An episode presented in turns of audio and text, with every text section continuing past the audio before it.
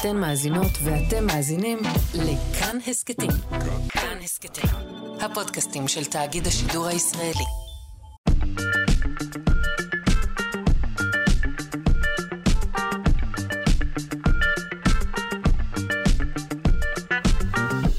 שלושה שיודעים. שלום, בוקר טוב לכם. אתם על שלושה שיודעים בכאן תרבות, 104.9 או 105.3 FM. אנחנו, תוכנית המדע והידע של ישראל, פותחים לכם את הבוקר, פותחים לכם את הראש. העורכת, אלכס לויקר, על ההפקה תמר בנימין וטל ניסן, על הביצוע הטכנית אמיר צוברי, אני שרון קנטור. מה צפוי לנו היום? ראש של מומיה מצרית אה, עתיקה ושיחה על, על מהי מיקרו-היסטוריה. אה, נדבר על סוגים שונים של בלגן מתמטי, ונציין את יום העצמאות של אוקראינה, ועוד ועוד. הרבה מאוד נושאים מעניינים כאן הבוקר. אתם uh, בהחלט מוזמנים להישאר איתנו בשעתיים הקרובות. אם אינכם יכולים לעשות זאת, ראשית, uh, שלחו מכתב התנצלות בשלושה העתקים. ושנית, אתם מוזמנים להאזין לנו בשידור החוזר שלנו בשעה שמונה בערב, או בצורה של הסכת, ביישומון מסביר הפנים של כאן. אנחנו מזכירים uh, שיש לנו גם קהילה בפייסבוק, אנחנו נקראים uh, כאן שלושה שיודעים. אתם מוזמנים להיכנס uh, גם לשם, אבל אחרי השידור, לא עכשיו, כי יהיה מעניין. בואו נתחיל.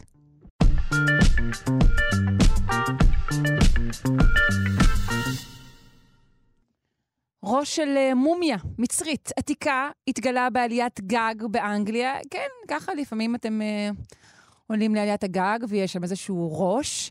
אה, סדרת בדיקות העלתה אה, כי מדובר בראש של אישה שחיה לפני כאלפיים שנים. אנחנו רוצים אה, לשמוע עוד פרטים על המומיה הזו, או על הראש הזה, למי הוא היה שייך, וגם בכלל לגשת אה, לנושא אה, שנקרא מיקרו-היסטוריה של אדם בודד, אה, תחום מרתק שעולה כפורח כעת. נפנה לדוקטור חי אשכנזי, מנהל גיאו-אינפורמטיקה ברשות העתיקות. שלום. היי, בוקר טוב. מה שלומך? בסדר, בסדר, תודה. יופי. אה, קודם כל בוא נדבר על אותו ראש. אה, הוא נמצא בעליית גג באנגליה. איך הוא נמצא? הוא התגלה באקראי? אה, כן, זה, זה פשוט מישהו עלה לחפש דברים בעליית הגג שלו ומצא אותו. איפה אה, השבצנה הזה? אוי, לא, תראו, הנה ראש. כן, כן. אני... הדבר הזה היה מאוד נפוץ במאה ה-19, שאנשים הם מאוד התלהבו מאגיפטולוגיה, זאת אומרת ממצרים העתיקה, והיה סחר ב- במזכרות משם. ואני מניח שמישהו כנראה קנה ראש של מומיה כדי, או או הביא ממצרים ראש של מומיה כדי לשים בסלון אולי, אני לא יודע. אה, כן, יש אנשים וב- שמים בסלון כן, כל כן. מיני ובאיזשהו דברים. שלב, כן, ובאיזה שלב נמאס לו כבר כנראה מהקישוט הזה, והוא שם אותו ב- בעליית הגג, ושם זה התגלה. אה, זאת אומרת, אתה אומר שזה לא דבר כל כך נדיר. זה די נדיר, זה די נדיר, אבל במאה ה-19 באמת היה, היה, הגיעו המון המון דברים, בעצם כל, ה, כל המעצמות האימפריאליסטיות היו עסוקות בלהביא ארכיאולוגיה מ- מאזור עיראק. יפה שאתה אומר להביא, זאת בהחלט. מילה אה, נקייה לגנוב, לשדוד ומצוחצחת. בעצם, כן. נכון, בדיוק, בדיוק, ועד היום הן גם לא רוצות להחזיר אותם. אה, והם באמת טרחו לשדוד את כל האזור מסביבה, מיוון ועד, אה, ועד עיראק. וגם אנשים פרטיים, גם אנשים פרטיים הביאו מזכרות. וכנראה חלק מהם באמת הלכו עד הסוף ולא הביאו חרפושית קטנה, אלא הביאו מומיות. כן, ובמקרה הזה רק ראש. אה, איך איך הראש הזה נפרד מהגוף? אנחנו יודעים? אה, לא, לא, אין לי מושג. אה, תראי, זה די יבש, המומיות האלה די מתפרקות, אז אה, זה אומנם לא התחום שלי, אבל כנראה זה לא היה לא, כזה לא, מסובך. לא יהיה כתוב ביד שתיים למכירה ראש של מומיה מקווה, אני מאוד כחדש. מקווה שלא, אני מאוד מקווה שלא, וזה גם אסור בעיקרון, כי, אחת הסיבות שזה אסור בעצם, כי גם זה לא יכול להיות מבחינת החוק הישראלי ומבחינת הארכיאולוגים ישראלים, אז כל העתיקות הם, הם משהו ששייכים לכולם, הם לא שייכים לאדם פרטי. וגם יש בעיה כש, כשאוספים עתיקות, גם כש, כשאנשים הולכים ואוספים עתיקות שהם מוצאים בארץ, בעצם אנחנו בתור ארכיאולוגים, מה שמעניין אותנו זה לא, הרבה פעמים זה לא העתיקה בעצמה, אלא ההקשר שלה, איפה היא נמצאה, מה נמצא מסביבה. וכשאנשים אוספים עתיקות ואפילו מביאים לנו אותם אחר כך, יש בזה קצת בעייתיות, כי אנחנו לא תמיד יודעים מאיפה זה הגיע. כן. וזה באמת, אם היינו יודעים, אם היינו מוצאים את המומיה הזאת איפה שהיא באמת נקברה, היינו יכולים להגיד הרבה הרבה יותר עליה. כן, ההקשר היה מעט יותר רחב מאשר באותה כן, אה, עליית כן. גג בקנט שבאנגליה. כן. אבל בכל זאת, אה, נעשתה בדיקת CT, נכון? ו- ומה התגלה לגבי הראש הזה? כן, אני, אני, אני כבר לא זוכר בדיוק. אני... אה, אוקיי, אז אני ארמוז לך.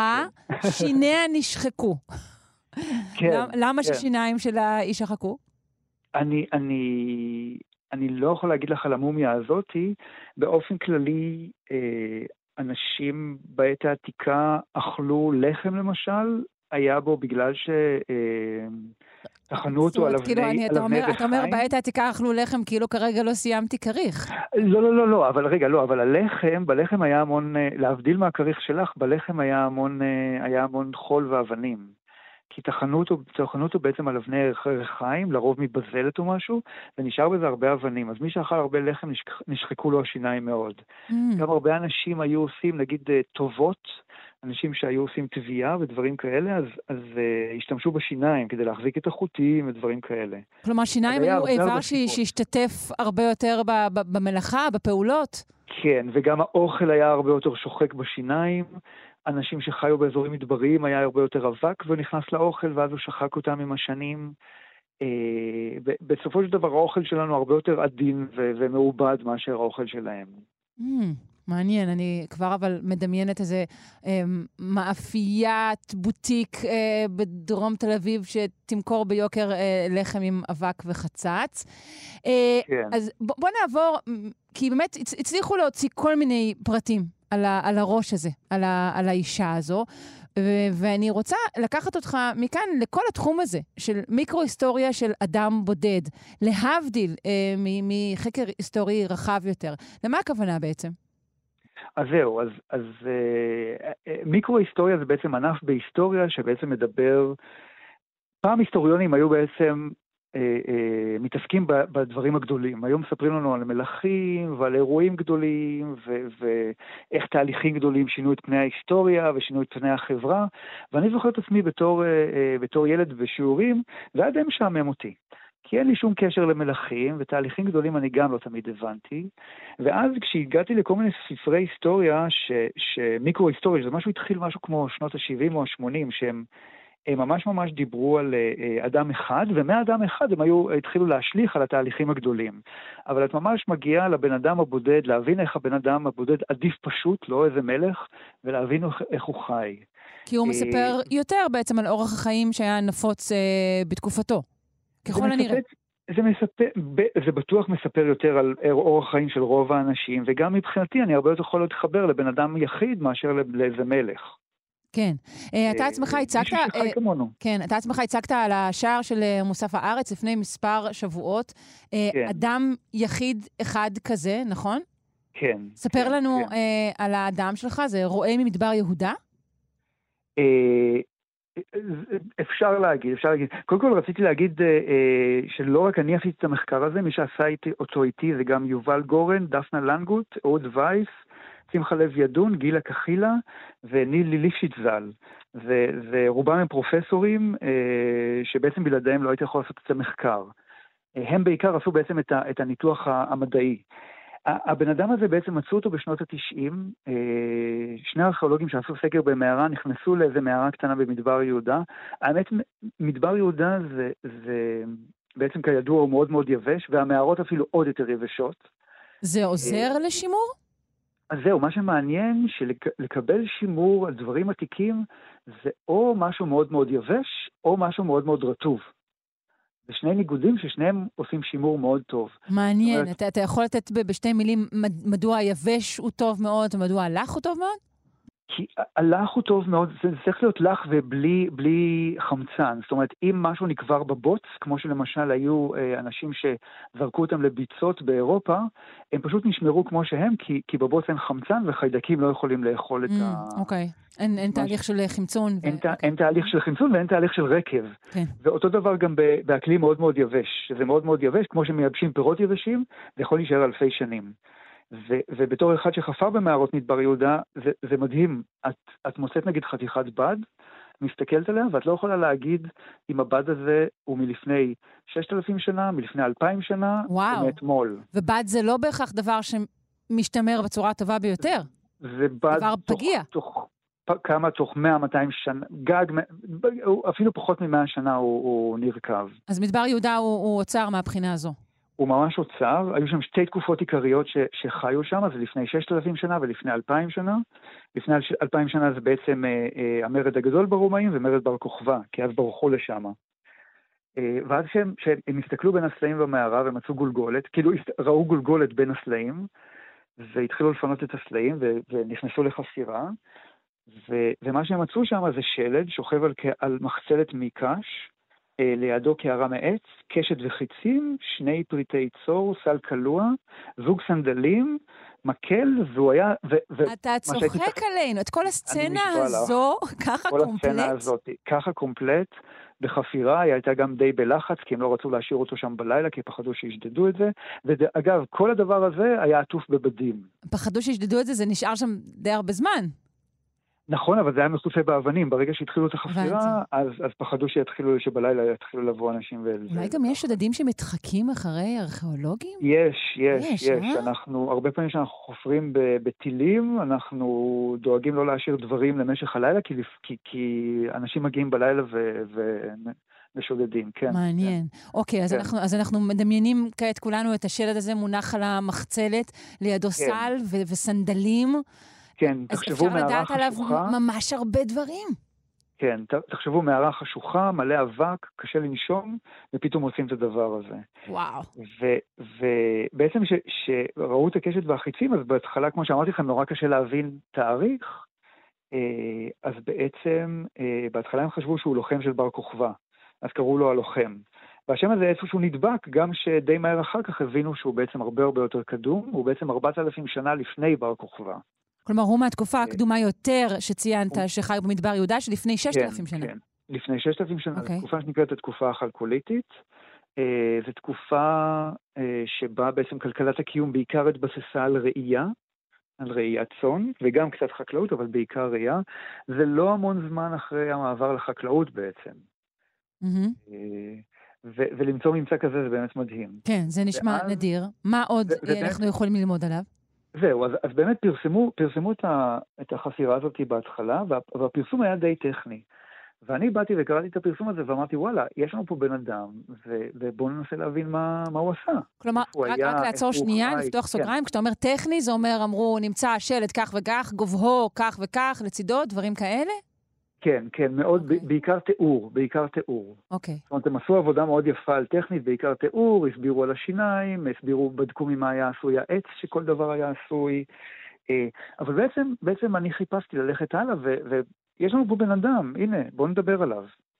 כן, אה, וזה מה שאנחנו עשינו. בעצם טוב, אה. תובעים את הסיפור של האיש הזה. אז זה מין, זה מין חק, חקירה בלשית, שמצאנו שלד, ועכשיו אנחנו רוצים להבין מאיפה הוא הגיע. אוקיי, אתה אה, יכול לתת לנו עוד כמה פרטים? אז, אז זהו, אז למשל כמה פרטים, כן. אז למשל קערת העץ אה, אה, עשויה מ- מאלון התבור. הקשת והחיצים עשויים מעץ זית, וזה עצים אה, שבעצם נמצאים, גדלים רק בהר ולא גדלים במדבר. אז זה כבר התחיל איזשהו חשד שהבן אדם הזה לא גר במדבר, אלא הוא רק הגיע לשם. אוקיי. אה, כל שאר כלומר, הפריטים, אוקיי, שרלוק, כן? כל שאר הפריטים עשויים מכל מיני דברים, למשל המקל היה עשוי מעץ ערבה, שעץ ערבה גדל גם בהר, הוא גדל ליד מים, אבל הוא גדל גם ליד הירדן, אז, אז יכול להיות שזה עדיין מישהו שגר במדבר. אה, ואז הסתכלנו על הסל הקלוע, והסל הקלוע, הוא, התחתית שלו שבור, הייתה שבורה, נשברה כנראה כבר בימי קדם, היה כאילו חור, ואת זה תיקנו עם אה, חתיכת אור. עכשיו, האור היה עשוי, האור היה אור פרה. ועוד פעם, פרות בתקופה הזאת לפחות לא, לא חיו במדבר, כי, כי לא פשוט להם ממכון, וגם הן צריכות לא מעט מים. כלומר, זאת עוד עד- עדות לכך שהוא כנראה לא הגיע מהמקום שבו הוא נמצא. נכון, נכון, ופרות היו בתקופה הזאת גם יחסית די נדירות, ו- וזה אומר שאם את מתקנת סל, זה בעצם סל שהיה עשוי מנצרים, מאיזשהו דגן, שזה משהו מאוד זול, אז, אז אם, הוא, אם תקנו את זה מאור, זאת אומרת שזה מקום שאור לא היה מאוד יקר. Mm. אה, ומזה אנחנו מסיקים ש, שבאמת הבן אדם, המקור שלו, הוא, הוא בעצם הגיע אה, איפשהו מההר. Okay. ומההר אוקיי. בעצם, המערה היא באזור יריחו, אז מההר זה בעצם אזור השומרון. אה, ואז המשכנו לחפש. על הסנדלים מצאנו משהו שנראה כמו בוץ. ועשינו לזה בדיקה. בימינו כמובן זה בדיקות מחוכמות למדי, נכון? נכון, נכון. זה, זה, זה בדיקות שלא היו זמינות כל כך אה, אה, פעם. Mm-hmm. אה, אז עשינו לו בעצם בדיקה, ובמיקרוסקופ פתאום ראינו כל מיני חלקיקים שנקראים, יש להם שמות אה, קצת מפוצצים, זה נקרא ספרוליטים ודרוזות. והחלקיקים וה, האלה נוצרים בקיבות של בעלי חיים. של בעלי okay. חיים אוקיי. אוכלי עשב. טוב, אז זה, זה, זה שאומר... הגיוני, זה אומר שהוא דרך על תוצרים. מה שאומר שכמו ללכת ברחובות תל אביב, אז הוא גם כן דרך על קקי. אוקיי. Okay. אה, ומזה, חוץ מזה, הקשת, הקשת היא די, היא די קצרה, והחיצים לא היה להם חוד, כאילו זה חיצים אה, כהים. שחיצים כאלה הם טובים לצוד אה, חיות קטנות, כי הם מהירים ומדויקים, אבל הם לא חודרים כל כך. אז מה אנחנו מסיקים. מזה? אז, אז, אז מכל הדברים האלה בעצם מה שאני מסיק זה שבעצם אה, הבן אדם היה רועה צאן כנראה, אה, הוא הסתובב, הוא גר, המקור שלו היה בכפר על שפת המדבר, ובעצם הוא היה, מה שרועים עושים בעצם עד היום, יש כפרים פלסטינאים על שפת המדבר, שחלק מהכפר עושה חקלאות בהר, חלק מהכפר, או לרוב זה הצעירים דווקא, הם, הם, אה, הם, הם הולכים, בחורף הם הולכים למדבר כדי לראות, כי ירוק שם ואפשר לראות עשב. ובחורף, ובקיץ הם חוזרים להר כדי, אה, כי שם קריר יותר ושם יש עדיין עשב. אה, אוקיי. Okay. אז כנראה הוא היה מישהו כזה. Mm-hmm. הוא היה, לתקופתו היה קשיש, הוא היה ממש זקן, הוא היה בין 40 ל-50. אה, אבל חיים טובים היו. קצרים, כן. אבל, אבל טובים, מתוקים. אני, יש, יש על זה קצת ויכוח, כי דווקא עם המעבר לחקלאות, אה, אה, הבריאות של אנשים די הידרדרה. אה, דווקא לפני זה, בתור האדם הקדמון, מה שקורה, ציידים לקטים, הם דווקא חיו יותר טוב. כן. אבל, וגם הוא, בעצם, אה, אה, הבריאות שלו נראה, נראתה שהייתה די טובה, למעט משהו אחד, וזה לגבי הסנדלים. אה, מה שמעניין היה בסנדלים, שהם היו שחוקים ברמה כזאת שממש אפשר לראות, נגיד אם, אם תסתכלו, כל אחד יסתכל על הנעליים שלו, בעצם אפשר לראות שהעקב טיפ-טיפה יותר שחוק, נכון? ואזור כן, הבהונות. כל, כל אדם אנחנו רואים ששחיקה היא במקום אחר, מה שמעיד על האופן הנכון או לא נכון, נכון ש, שהוא הולך. נכון, בטירות. נכון. ואצלו היה, ממש רואים בסנדלים את השחיקה. Mm. אה, של העקב ושל הבהונות, והסנדל שמאל היה שחוק הרבה יותר. ו, ובבדיקה ש, שעשו, זה נקרא אנתרופולוגים פיזיים, שעשו על, ה, על השלד, ראו שעצם השוקית, זה העצם הקטנה אה, באזור הקרסול, נשברה. אה. נשברה כנראה כמה חודשים לפני המוות, היא התאחתה, אה, אבל זה, יחד עם המקל, זה בעצם אומר שבעצם בחודשים האחרונים, בחודשים האחרונים הוא בעצם אה, די סבל מהרגל. הוא בעצם צלה, הוא, הוא צלה על רגל ימין, החזיק את המקל ביד ימין וגרר את רגל שמאל. Mm. וככה סנדל שמאל גם נשחק יותר. הענקתם לו כינוי? אה, וקצת נתקענו עם uh, מערת הלוחם. Uh, באלפים, באלפים uh, uh, נמצא מישהו ש, שקצת מזכיר ברמת שימור אפילו יותר טובה, וקראו לו אוצי. נכון. אז מישהו הציע לי, מישהו הציע לי לקרוא לו עוזי אולי. uh, אבל בינתיים לא נדבק שום כינוי. אוקיי, okay. אני, אני, אני צופה שה, שה, או אני לא יודעת, אני מקווה, המיקרו-היסטוריה יכולה באמת אה, להפוך ל, לספרי לימוד, אפילו עבור אה, אה, נערות ונערים אה, מרתקים ומושכים, אולי באמת, כמו שאמרת, יותר מאשר ההיסטוריה הגדולה של המנהיגים היוצאים לקרבות. אני חושב, אני חושב, ודווקא גם הבן אדם הקטן הזה, אפשר להבין פה קצת על הכלכלת קיום, כאילו מה אנשים עשו אז. אה, אני גם חושב, מה שמאוד מעניין, שטרחו לקבור אותו במדבר. בעצם ב, ב, על המצוק, איפה שקברו אותו, יש עוד הרבה מערות אחרות, ויש שם קברים מתקופה שהיא קדומה באיזה 200-300 שנה. זאת אומרת, 200-300 שנה, 200, שנה לא קברו שם, ופתאום חזרו וקברו אותו. הוא, הוא, נק, הוא נקבע, כלומר, הוא, נק, הוא נקבע, הוא מת שם? ובאו במיוחד לקבור אותו? אז, או... אז, אז אה, אה, למיטב הבנתי, הוא, הוא כנראה, הוא מת במקום אחר והביאו אותו משם. הביאו הביאו אותו לשם. יפה מצידם.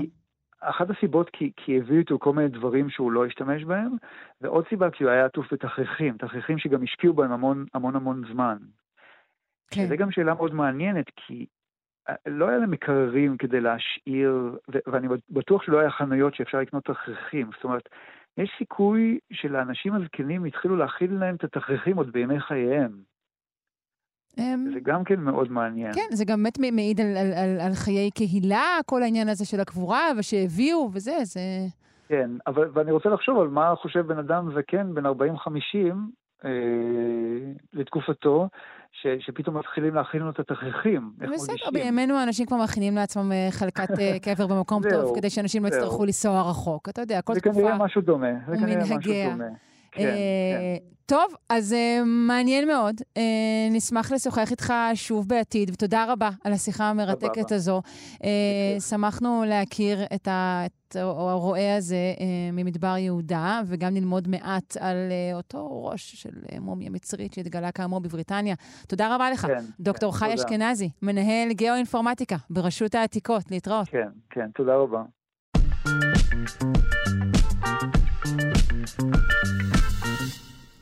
משתמשים אה, זדוניים או פיקטיביים אה, באינטרנט הפכו למטרד הולך וגובר, כמעט כמו משתמשים אמיתיים. אה, סתם. אה, כעת אה, חוקרים פיתחו שיטה שמאפשרת לתאר, לאתר את אותם משתמשים זדוניים. נשוחח עם הדוקטור מיכאל פייר מהפקולטה להנדסת מערכות תוכנה ומידע באוניברסיטת בן גוריון. שלום. שלום, שלום שרון, ושלום לקהל המאזינים בבית. שלום, בשם קהל המאזינים גם. Uh, קודם כל, uh, בואו נגדיר uh, משתמשים זדוניים או פיקטיביים, נ, נ, נעשה בהם סימנים, uh, מהו בוט, מהו לא בוט, למה הכוונה בדיוק? יש הרבה סוגי מש- אה, משתנים זדוניים. יש משתנים זדוניים שזה בן אדם פותח כמה פרופילים ומנסה לעשות איתם דברים לא טובים. אדם שסובל מעודף זמן. עוד זמן, או יש לו אינטרס כלכלי לעשות את זה. אה, לאסוף מידע על אנשים, לנסות פעמי הקמפיינים, לנסות אה, לשנות דעות פוליטיות, אה, כל מיני סיבות לעשות את זה. פעם אתה מתכוון לקיימברידג' אנליטיקס, או למשל? לפני, יש גם אחרי, גם זה היה. גם יש אחרי, יש כל מיני דברים. כל בחירות אומרים שמשהו כן, כזה נראה קורה. לי שזה, שזה מה שעושים באופן עקרוני, מנסים להשפיע על אנשים, והגבול בין אה, מה שנחשב למותר ומה שנחשב לאסור הוא גבול אה, אפרפר. כאילו, זה כנראה אסור, אבל כי אם אתה פות... לפי התנאי האתרים בדרך כלל זה אסור, אפילו אסור מאוד, הם לא רוצים שיהיה להם את זה. מצד שני, קשה מאוד מאוד לתפוס את זה, כי אנשים עושים עבודה די טובה בלהסתיר את עצמם. כן, אוקיי. עושים עבודה ממש ממש טובה אפילו. אה, איזה סוג של עוד משתמשים אה, זדוניים יש לנו? אה, יש אנשים שגם, כאילו חברות אפילו, בכל מיני מקומות בעולם, שפותחים המון המון פרופילים אפקטיביים, ממש כמו חוות כאלו, ואז הם פשוט אוספים המון המון מידע על הרשת. זה כאילו יכול להיות באלפים, לא מאות אלפים של פרופילים, אני אולי טיפה מגזים, אבל יש המון המון. אה, יש חברות שעושות את זה, לא החברות, מבחינת הכמות פרופילים אפקטיביים.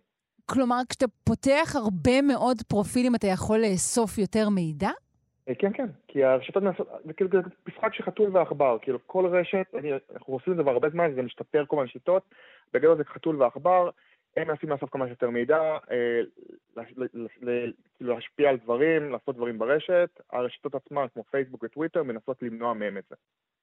כן, אמרת. אה, חתול ועכבר, וזה גם כן. מין ערימה כזאת, שנכון, הטכנולוגיה מתקדמת לצד אחד, ואז הדברים שמונעים אותה מתקדמים גם הם, וזה פשוט ממשיך וממשיך. בדיוק, בדיוק. זה נגיד שאתה fake, fake, deep fake עכשיו, שאפשר לזייף תמונות, אז משתמשים בזה, למה לא?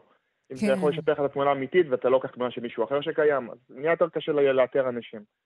טכנולוגיה, נכון. זה פה ולפה, ומלחמה מלחמה כזאת.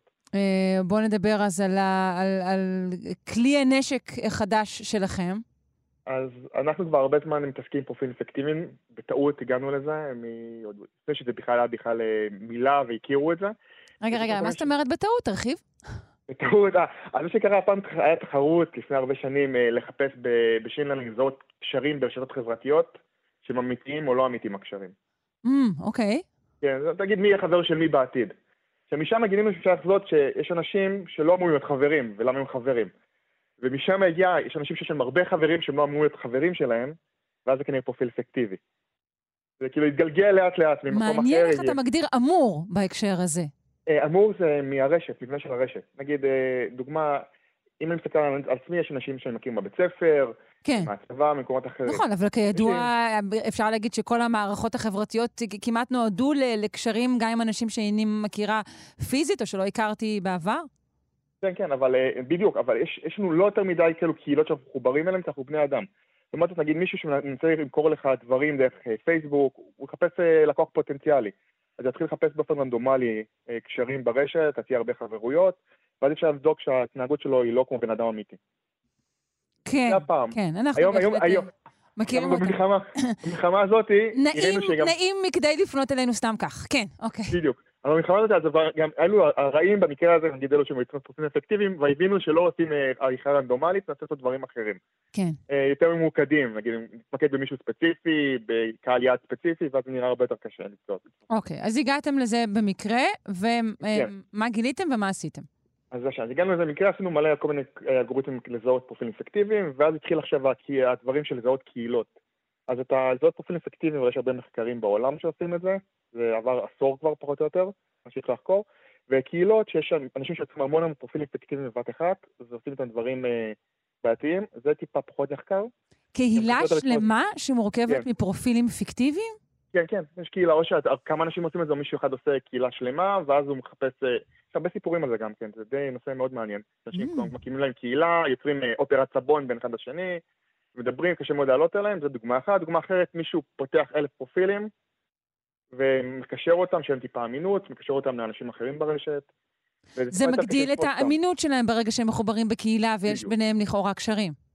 בדיוק, זה הרעיון. Mm. שיראו כמה שיותר אמינים. כן. אפשר, הרעיון זה פעם, שיראה אמיני, יתנהגו כמו- בני אדם אמיתיים, ויהיה קשה יותר לתפוס אותם. או, אוקיי. אז, אז אנחנו עברנו לזהות הקבוצות עכשיו. אנחנו במלחמה שלנו עם, ה, עם לזהות הפרופילים אפקטיביים, עברנו לזהות קבוצות.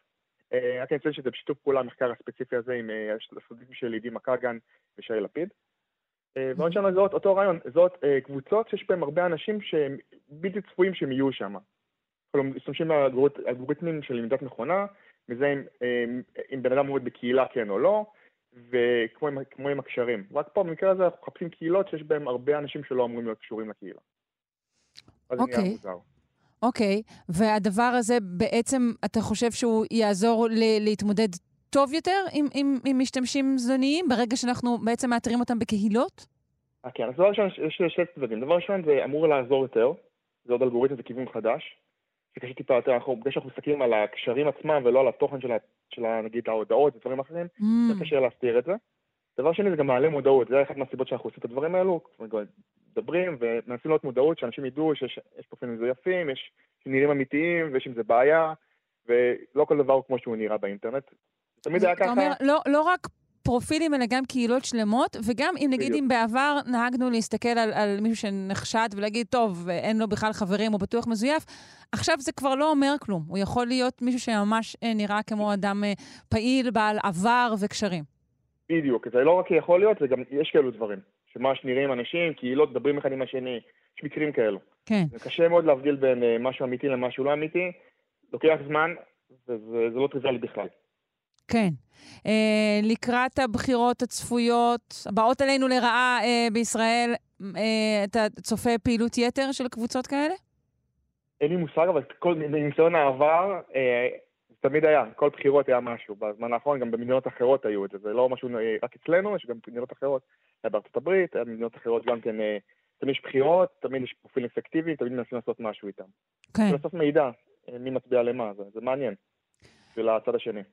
מאוד. זה גם במדינות וגם בין מדינות, אפשר להגיד. הרי אנחנו למדים שמדינות מעוניינות להשפיע על תוצאות של בחירות במדינה אחרת. זה סוג של נשק, אה, זה מלחמה גם בתודעה, זה יש פשוט אנשים יוצרים פרופילים, עושים איתם דברים, יכול להיות מדינות, יכול להיות דברים אחרים. פשוט זה עוד משהו להשתמש בו ולאסוף מידע, ויש הרבה מידע לאסוף במקרים האלו. כן, אה, מעניין מאוד. אה, המעבדה שלכם נקראת Data for Good, נכון? כן, כן, כן, יש לנו בעיה דאטה for good, המטרה שלנו זה לקחת נתונים אה, ענקיים שיש מסתובבים בעולם, להשתמש בלמידת מכונה, לנסות לעשות את העולם טיפה יותר טוב, אז אנחנו עושים אה, פרופילים אפקטיביים, אבטחת מידע, עושים דברים נגיד בערים חכמות, בתחבורה, ועוד ועוד. מעניין מאוד. העיקר זה להשתמש במידע לעשות משהו טוב. תודה רבה לך, דוקטור מיכאל פייר מהפקולטה להנדסת מערכות תוכנה ומידע באוניברסיטת בן גוריון. להתראות. ביי ביי ויום נעים.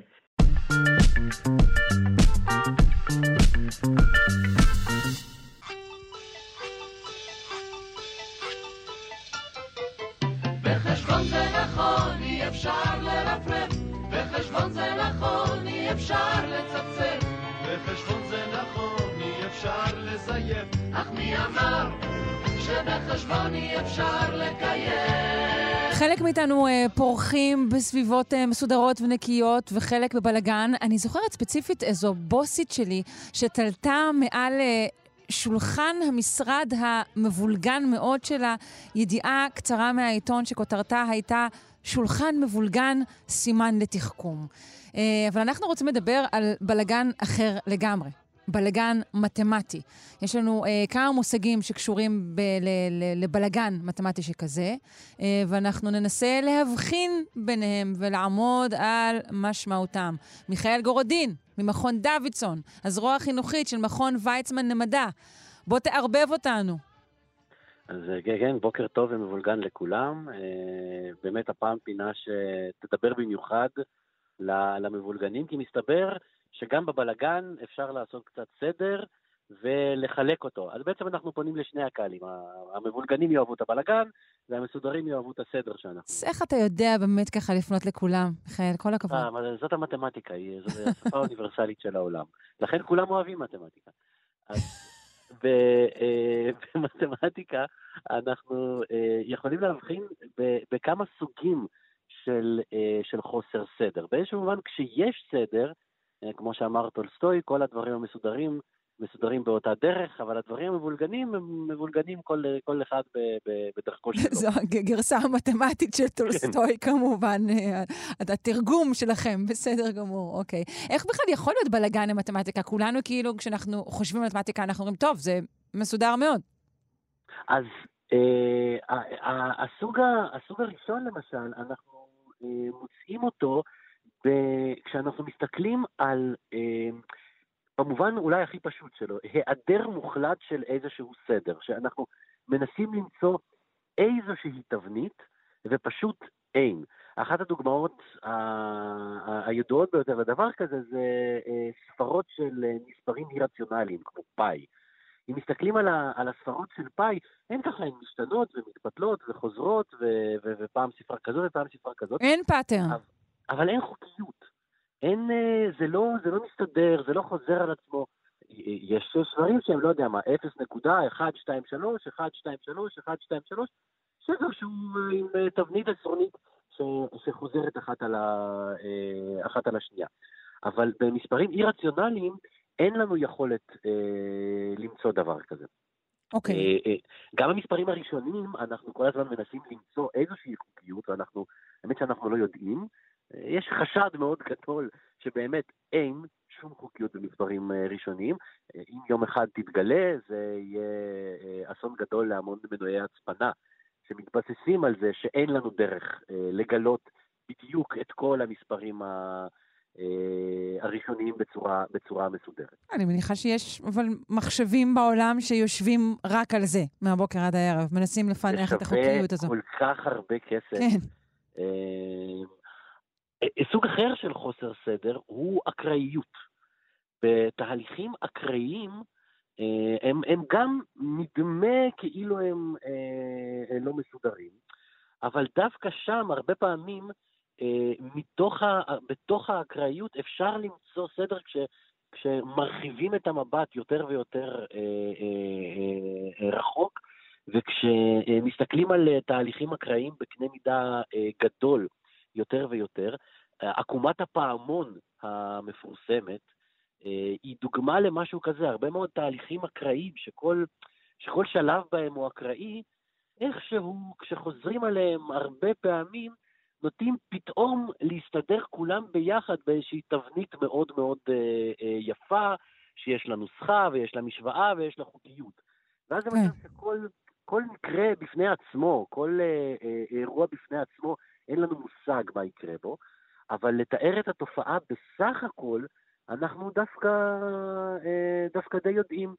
אה, משתמשים בזה אה, הרבה פעמים בפיזיקה, בכל מיני תחזיות, כשאומרים, טוב, אני לא יודע מה יקרה בדיוק בשנייה הזאת ובדיוק בשנייה הזאת, אבל בסך הכל, בהתנהגות הכוללת של התופעה, אני יודע איך זה יקרה, למרות שאל תשאלי אותי מה יקרה בדיוק, בדיוק עכשיו. וזה מאפשר חיזוי.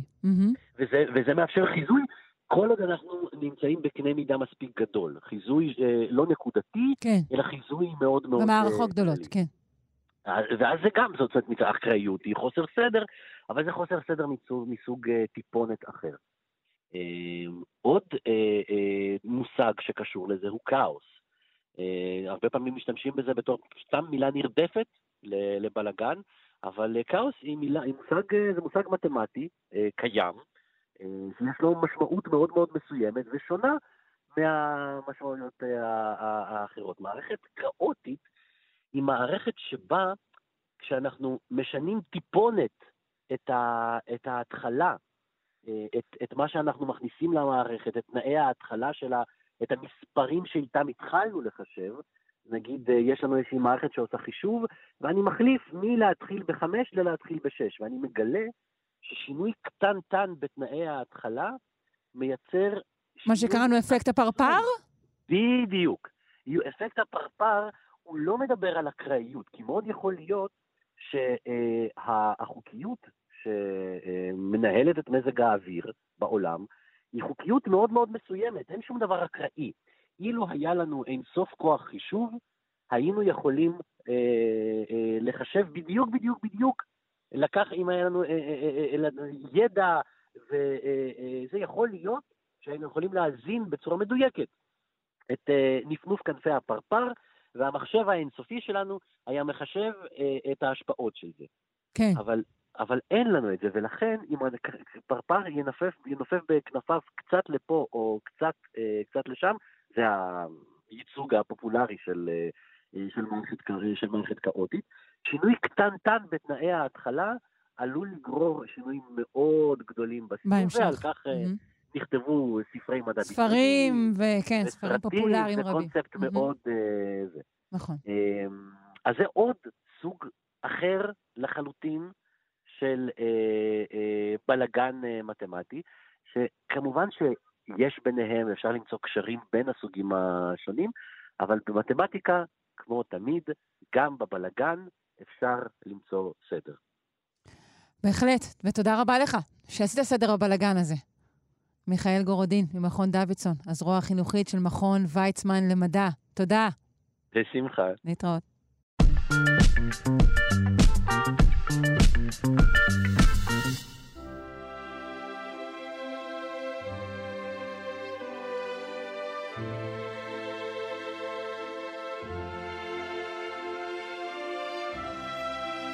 פינת השירה שלנו uh, תוקדש היום למקום שראוי מאוד לציין את יום העצמאות שלו, uh, שחל היום.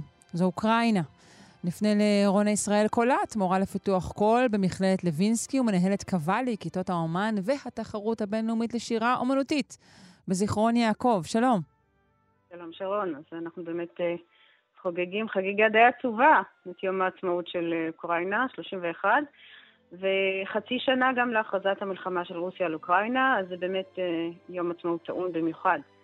אה, ובאמת אחת הדרכים האפקטיביות ביותר שהאוקראינים מוצאים כדי לבטא את הנחישות והעצמאות שלהם היא בהעלאת אה, סרטוני שירה, שירה עממית לרשת, ואם יש משהו אחד שמשמח את הדור המבוגר האוקראיני זה ההתעניינות המחודשת של הדור הצעיר במורשת המוזיקלית שלו.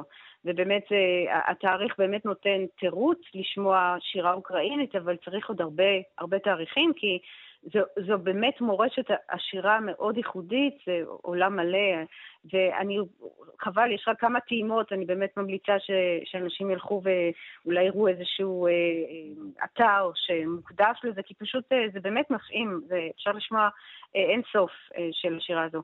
אז אני אתמקד באמת בשירה העממית, אה, קצת בשירה הכנסייתית, עם או בלי הליווי של הכלים המסורתיים, אבל אה, באמת בואי נתחיל עם הצלילים, נשמע שלוש נשים על ספסל בכפר זברניקי שבאוקראינה.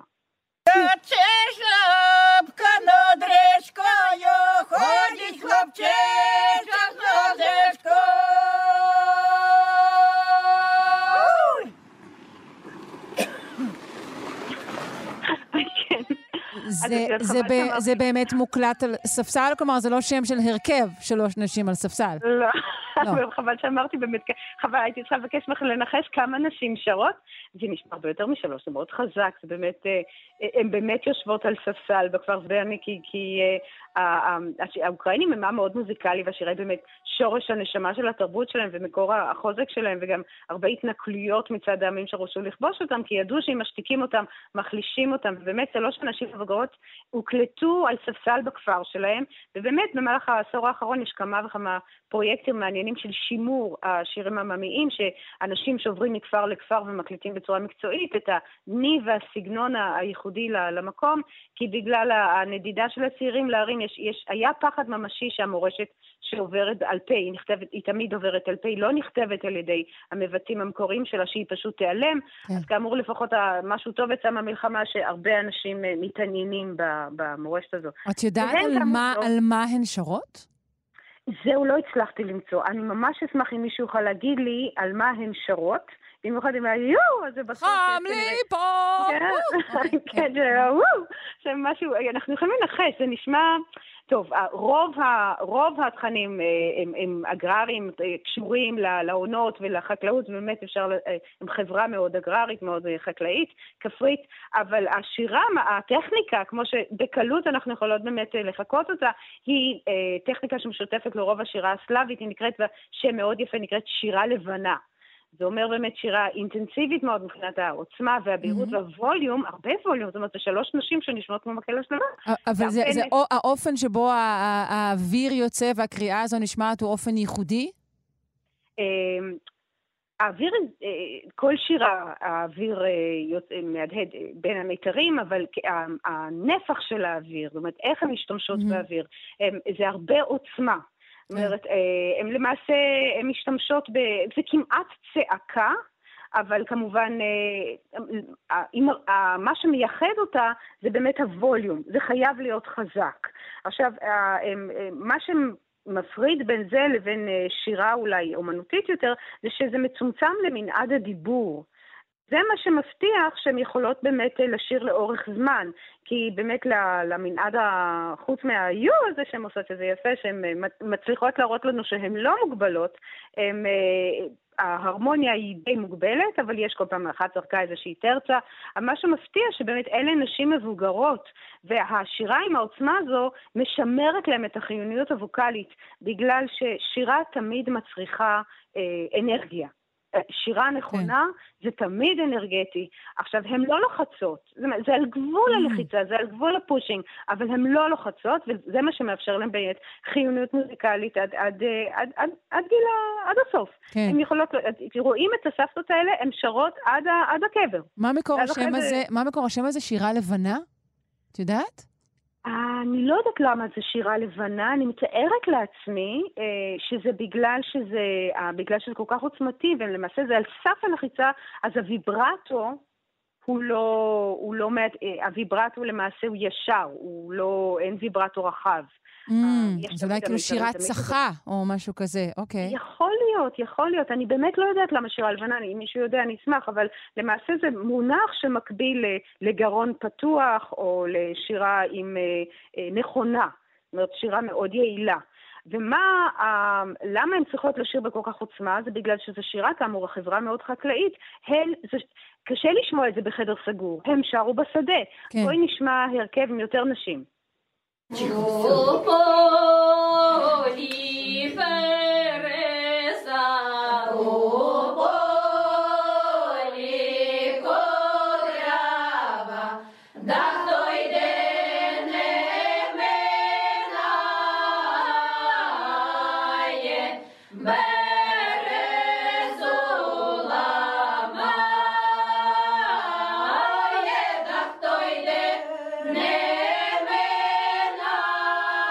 ממש לא נעים לי לעצור אותם, הם פשוט שרות כל כך יפה, כל כך יפה.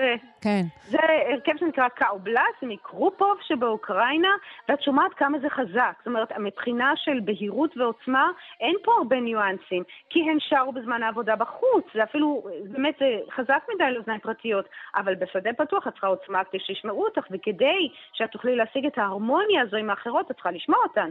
אז למעשה הן צועקות, אבל כן. צעקה... זו שירה שנולדה תמיד- כמובן ללא הגברה ובמרחבים פתוחים, כמו די. שאמרת, כן. נכון, אה, בינתיים ניצלתי את זמן עבודה. השירה הזה כדי לבדוק, ואכן צדקת, המ- המינוח אה, שירה לבנה אה, בעצם גם לפעמים נקרא באמת קול מלא או קול טבעי, והוא באמת קשור לצחות ולגרון הפתוח ולווליום הזה, הצח והחזק. אני חושבת שבאמת בתרבות הסלאבית לבן נחשב יפה. אה, גם אדום נחשב יפה, אז האמת היא שאני אני לא יודעת, אולי לבן צח, אה, משהו בתולי, יכול להיות. כן, ככל הנראה לזה אה, הכוונה. אה, ובאמת השירה העממית הזו בשלושה או ארבעה קולות בצורה הומוגנית כל כך, זה מאוד הומוגני, גם מבחינה של ה- של המקצב וגם מבחינה של הווליום, זה, בסוף המאה ה-19 זה היה נחשב לסימן ההיכר של התרבות המוזיקלית האוקראינית, בגלל שבתרבויות אחרות זה היה בדרך כלל שמור לכנסייה ולפולחן הדתי, ולמעשה הכיבוש הסובייטי הוא, הוא עודד את ההתארגנויות המוזיקליות האלה בגלל שהם רצו למחוק את המורשת של כן. העתיקה הנפלאה של השירה הכנסייתית, שהייתה כמובן... אבל אנחנו מכירים את זה גם נגיד עם מקהלות. יוגוסלביות, נכון? אה, כן, כן. השירה הסלאבית. שירה השירה סלאבית. הסלאבית. עכשיו, יש כמובן את הכלים הייחודיים לאוקראין, אה, הבנדורה, אה, שזה כמו איזשהו נבל וציטר, פשוט איזשהו כלי פנטסטי, אם מישהו יש לו למכור, אני קונה היום. אז הם באמת, הם עודדו את השירה וההתארגנויות האלה במקום הליכה לכנסייה, וזה גם נשמע להם, זה באמת הרבה יותר פרולטרי מאשר איזשהו אה, משהו אה, מקצועי אה, כנסייתי. אבל אז גם התחילו הרדיפות של ההתארג, ההתארגנויות האלה, כשהם הבינו שדווקא הפולקלור והעממי הוא זה שמחזק את ההתנגדות אליהם. ככה שגם ההתארגנות וגם המפגש וגם התוכן אה, היו אה, כנגד המפג... הכיבוש הסובייטי, ואז הם התחילו לרדוף את זה. אבל בהתחלה ההתארגנויות האלה הפכו לגופים יותר גדולים עם תוספת של נגנים ורקדנים, סוג של שימור או מוזיאון לתיירים וגם לתרבות עצמה. אז בואי נשמע את האנסמבל המקצועי יותר שמבוסס על חומרים עממיים, זו המקהלה העממית האוקראינית וריובקה. אז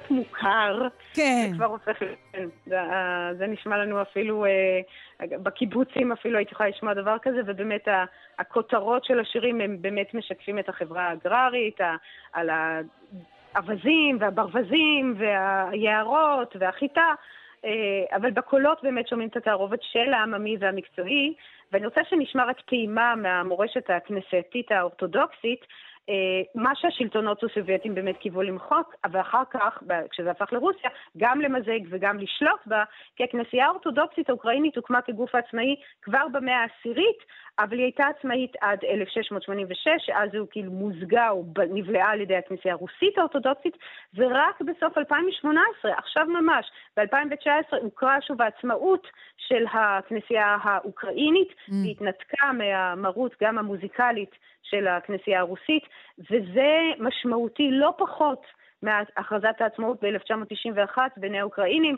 וגם הרוסים, כמו שאנחנו יודעים, לא אוהבים כשהם מתנתקים מהם, ממש חיבוק דוב. אז בואי נשמע את המקהלה הקאמרית של קייב בשירת תפילת האדון.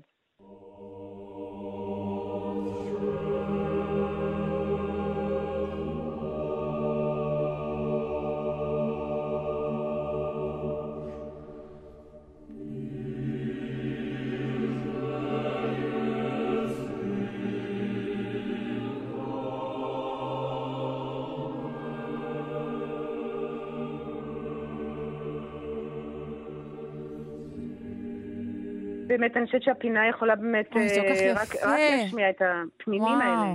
מדהים. באמת, הסאונד הזה שלהם, מה יש בהפקה הקולית שלהם שמאפשר את הסאונד החם והפנטסטי הזה, אז אני אוכל להקדיש לזה פינה, אבל אשמח לסיים עם שיר עם בעיבוד של ההרכב פיקרצקי הטרציה, אה, שזו אה, עיבוד אומנותי.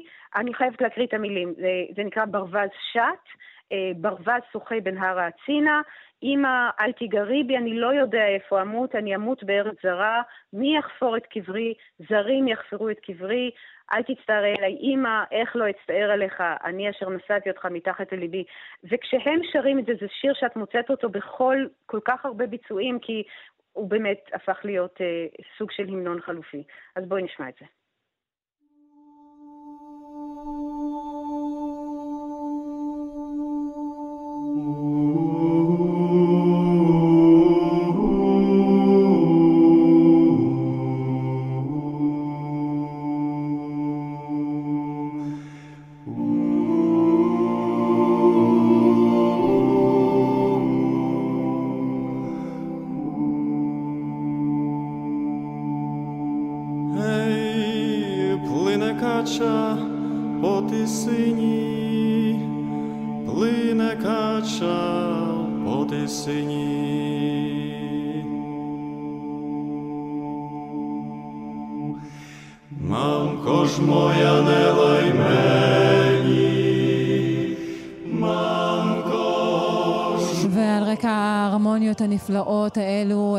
השירה האוקראינית אה, לרגל יום העצמאות של אוקראינה.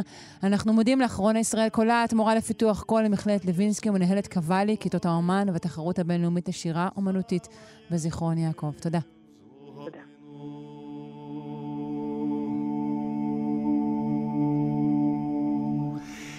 Сам не знаю, де погину,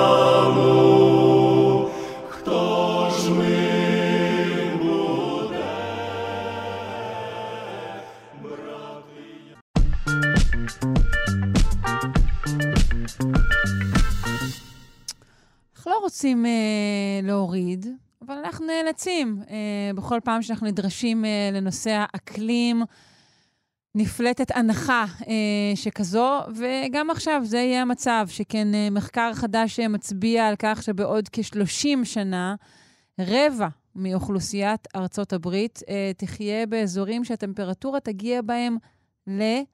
שימו לב, 52 מעלות בחודשי הקיץ.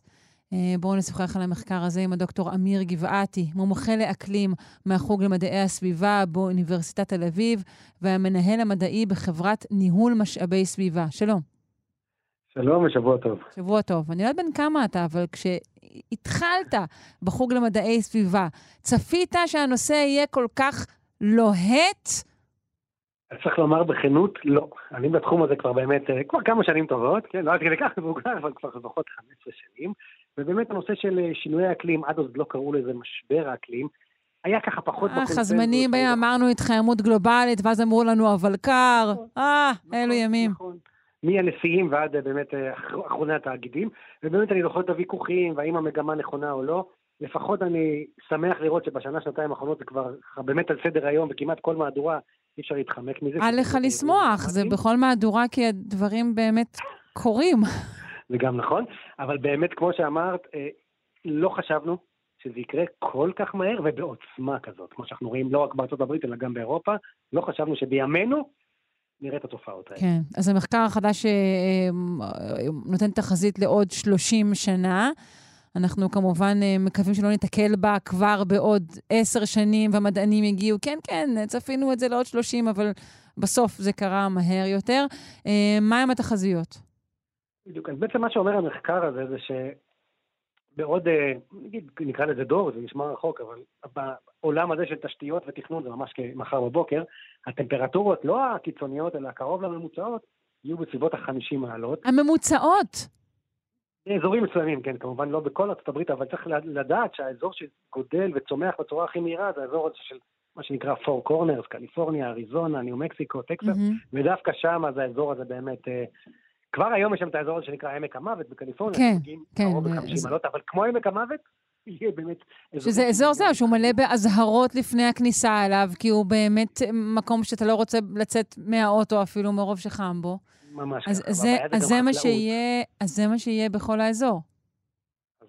ככה זה נראה, ואני אומר, אם, אם זה נראה לנו משהו אפוקליפטי, בואו נזכר רק מה היה לפני שבועיים באירופה, 41 מעלות בלונדון, כן? לא בעמק המוות, בלונדון, נכון, לא כממוצע, אלא כפיק, אבל כבר הגענו באירופה השנה שלוש-ארבע פעמים ל-40 מעלות. עכשיו, ב-2022, שלא חשבנו שזה נקרא, יקרה, המדענים הבריטים חשבו שזה יקרה רק עוד 30 שנה, זה יקרה כבר עכשיו, אז לכן, וגם בישראל, דרך אגב, אנחנו ככה, הקיץ הזה הוא קיץ נעים יחסית, אבל שנה שעברה, היו בגוש דן ובשפלה 45 מעלות במשך שבוע שלם.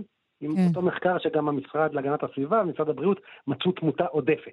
אז כך שגם בישראל כבר ככה ליחכנו את ה-50 מעלות מלמטה, הגענו ל-45 מעלות, אז בקצב הנוכחי, אז אנחנו אומרים. שלפי התחזית הזו יהיו אולי אפילו מעל 100 ימים בשנה שהטמפרטורה אה, באזור הזה, בחגורה הזו, אה, עליה מדובר, טקסס, פלורידה, אה, לואיזיאנה, האזורים האלו יה- יהיו חמים מאוד. בדיוק, באמת, מה מה- מה- שהתכוונתי, מה- שזה- מהן ההשפעות אה, של טמפרטורות גבוהות, כלל ההשפעות? הן באמת דרמטיות, וממש, זה לא בשביל להפחיד, אבל אם ככה באמת אה, נמנה את המשמעותיות ביותר, לא בשביל להפחיד, אבל אה, תופ- תופעת לוואי אולי אה, תהיה פחד מסוים, כן. ממש ככה. ובוא נגיד שזו הבעיה האחרונה שלנו תהיה. אני חושב שקודם כל תמונת, תמותת יתר, שזה איזשהו מושג חדש כזה שפרץ לחיינו גם בעקבות המגפות, הקורונה, הקורונה, אבל רק אתמול פורסם באיחוד האירופי שמוצאים שבקיץ האחרון יש תמותת יתר לא מוסברת בספרד, בפורטוגל, בצרפת, בכל המקומות שיש אה, אה, גלי חום מאוד משמעותיים. אז דבר ראשון, בוא נגיד את זה, מתים מחום. אז זהו, אה, מה מה זאת אומרת? זה זה כתוצאה ישירה מהחום? זו התייבשות? מה זה? כן, אז ככה מסבירים לנו הרופאים, זה לא פוגע בכל בני אדם באותו מידה, זה כמובן אוכלוסיות מוחלשות, מבוגרים, תינוקות, שוב, אני לא רופא, אני מדען אקלים, אבל מסבירים לנו הרופאים שבתנאי עקה, כך נקרא המושג הזה, של טמפרטורות גבוהות וקיצוניות, או שילוב של לחות בטמפרטורה, אז מערכות מסוימות בגוף פשוט לאוכלוסיות מוחלשות לא יכולות לתפקד. הפתרון הוא כמובן הצללה, מזגנים, כל מה שאנחנו מכירים מהארץ, אבל שוב, אנחנו אולי לא מבינים, אבל יש מקומות שעדיין לא הסתגלו לאקלים החדש, אירופה. אה, למשל, ומדברים על זה הרבה, שזה חלק מהתרבות שלהם, וחלק זה עלויות כלכליות, וחלק אפילו בגלל נושא של עיצוב ו... זהו, אבל לא רק זה, ייתכן שלצד בעיות האקלים יהיה גם אה, קיצוב בחשמל, כמו שאנחנו כבר רואים, ואולי לא ניתן יהיה להדליק מזגנים בחלק מהאזורים. אז אנחנו כבר רואים את זה עכשיו, אנחנו גם נרגיש את זה גם בחורף בצד השני של ההתקררות. אז כן, כי ברגע שהטמפרטורות כל כך גבוהות והביקוש לאנרגיה עולה, אבל גם האנרגיות המתחדשות שאנחנו כל כך ככה אה, בונים עליהן שהם יחליפו את האנרגיות המזהמות, הן מאוד תלויות אקלים, כי אם יש גלי חום אז אין רוח, ואז הטורבינות לא עובדות. הנהרות באירופה, שאולי המאזינים לא יודעים, אבל זה עדיין מקור האנרגיה מספר אחד, אפילו בעולם כולו, האנרגיית מים. אז כשהריין והדנובה מגיעים לשפל, אז הם לא מייצרים אנרגיה. אז אין, אין ספק שיש פה פידבק שמזין את עצמו. אז אמרנו תמותה, אמרנו פגיעה באנרגיה, ואנחנו רואים את זה בקיץ הזה באירופה. חקלאות, זה דבר שגם אצלנו אנחנו פחות מדברים, כי אנחנו כבר נמצאים בתנאי קיצון ובתנאי מדבר, אז אנחנו יודעים מצד אחד חממות, מצד שני השקיה, אותם מים ממוחזרים, כן, אותם קולחים, שאנחנו אנחנו היחידים בעולם שמשקיעים במים מטוהרים, מים מי קולחין, אבל בעולם אין את זה, אז החקלאות תיפגע. וכשאני אומר תיפגע, היא כבר נפגעת. אנחנו רואים את העליית מחירים וכל הפגיעה בשרשרת ההובלה והמזון, אז חקלאות, אנרגיה, סביבה, כן, השרפות. כן. עוד פעם, אני חוזר על עצמי, אבל מה שקרה השנה באירופה זה באמת אה, אפוקליפטי. שרפות בלתי נפסקות, וזה יפגע בשריפה, בסביבה. אה, וגם, שוב, בתורו ייעלם הטמפרטורות אה, כשתהיה פחות צמחייה שמקררת ומצלה. אמ, אני רוצה לשאול אותך על משהו שהתבשרנו עליו בשבוע האחרון, וזו ההתייבשות המהירה יותר של נהר הקולורדו. אז גם זה נושא שאני ככה באמת עוקב אחריו הרבה זמן. נהר- הקולורדו, צריך להבין, מספק גם מים, אבל גם אה, בעצם זה הסם התבואה של שבעה, שבע מדינות בארצות הברית. אה, זה באמת הגוף מים הכי גדול במערב ארצות הברית, הוא פשוט הגיע למפלסים שאף פעם לא היו. יש לזה שתי סיבות, גם פחות משקעים, אבל גם עליית הטמפרטורה גרמה לכך שהשלגים שמזינים אותו, הרי הקולורדו, בעצם אין כמעט שלג, ו, ולכן הכל נמס מוקדם, ואם בדרך כלל זה היה מספיק עד אמצע הקיץ, אז עכשיו זה הרבה יותר מוקדם. ובארצות הברית, הממשל הפדרלי פעם ראשונה הוציא הגבלות על צריכת המים. ארה"ב זה קצת שונה מאצלנו, יש לכל אחד את הזכות שלו, ומאוד קשה לממשל מלמעלה ככה לבוא ולקצץ, לא כמו בישראל, אבל זה קרה. Mm-hmm. כי באמת המצב הוא מצב חירום. כלומר, עד שפוגעים בזכויות כלשהם, זה אומר שבאמת אה, הגיעו מים עד נפש, ביטוי שמאוד מתאים בהקשר נכון. הזה? כן, רק נסביר באמת במשפט אחד, שבארצות הברית המים הם הרכוש של, אם קנית עכשיו נכס או איזשהו פרופרטי, אה, המים הם שלך. ואתה יכול לקדוח ולהפיק אותם, בישראל לא. נדמה לי שיש אה, תאגיד מים מינרליים שטוען משהו דומה גם בישראל, אבל אני לא בטוחה בזה, אז בואו לא ניכנס לנושא. אותם מי שמפיק את הבקבוקים, הוא עדיין צריך לבקש אישור מהמדינה, הוא לא יכול לעשות את זה. כן, הוא רק יכול לקבל את האישור הזה מהמדינה, כן. בדיוק, האם צריך לתת את האישור או לא, זה כבר שאלה אחרת, אבל הוא עדיין צריך לפנות. אוקיי. אז בארה"ב באמת פעם ראשונה שהממשל פשוט אין ברירה, מים עד נפש, אבל אם אנחנו מותחים קו אחד בין יבשות לבין מה שקורה בקולורדו, שהוא באמת הגיע לרמות שפל. וכשמסתכלים קדימה, אז באמת לא יודעים איך להכיל את כל האוכלוסייה הגדולה הזאת של, אמרנו, המדינות הצומחות האלה, אריזונה וניו מקסיקו וקליפורניה. עם מה שקורה בריין ובדנובה, ונלך עוד מזרחה לאסיה, גם היאנגצה, כן, הנהר הגדול בסין, גם הוא עכשיו בשפל היסטורי, כי אין שם כמעט גשמי קיץ. אז באמת, בכל המקומות האלה, אנחנו באמת במשבר חסר...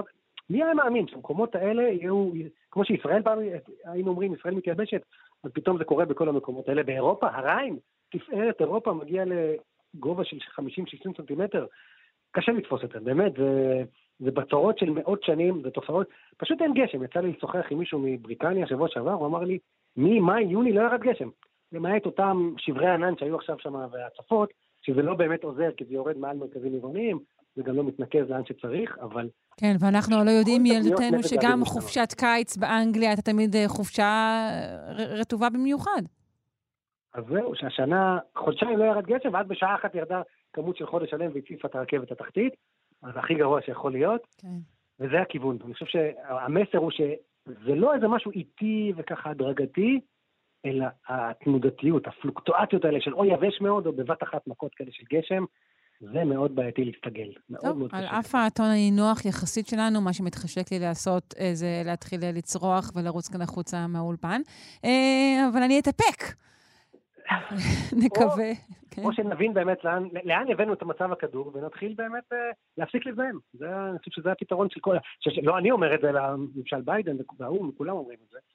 בואו באמת נחזיר את המצב לקדמותו. אני, כשאני אומר אני, אנחנו זה כל, כל, כל החברה האנושית. האם ניתן להחזיר את המצב לקדמותו, דוקטור אמיר גבעתי? חושבת בכנות, כנראה שכבר לא. נראה לי שקצת איבדנו את זה. אפשר להאט את ההידרדרות, להחזיר לגמרי אני כבר לא רואה איך, בטח לא בשנים הקרובות. מה שעשינו עכשיו ישפיע כבר על העשר שנים הקרובות, אבל אפשר להאט את זה ולנסות לצמצם את הנזקים. חייבים לחשוב בצורה חיובית. אני מאמין שבסוף הטכנולוגיה תמצא פתרונות, מימן, גרעין, ראינו לאורך ההיסטוריה שתמיד יש גילויים כאלה, כי אי אפשר להמשיך לשרוף דלקים ולחמם את כדור הארץ. זה פשוט, זה פיזיקה פשוטה. אנחנו שמים שמיכה ועוד שמיכה על הכדור, את התוצאות אנחנו רואים כל קיץ ולפעמים גם בחורף. דוקטור אמיר גבעתי, מומחה לאקלים מהחוג למדעי סביבה באוניברסיטת תל אביב והמנהל המדעי בחברת ניהול משאבי סביבה. תודה. תודה לך.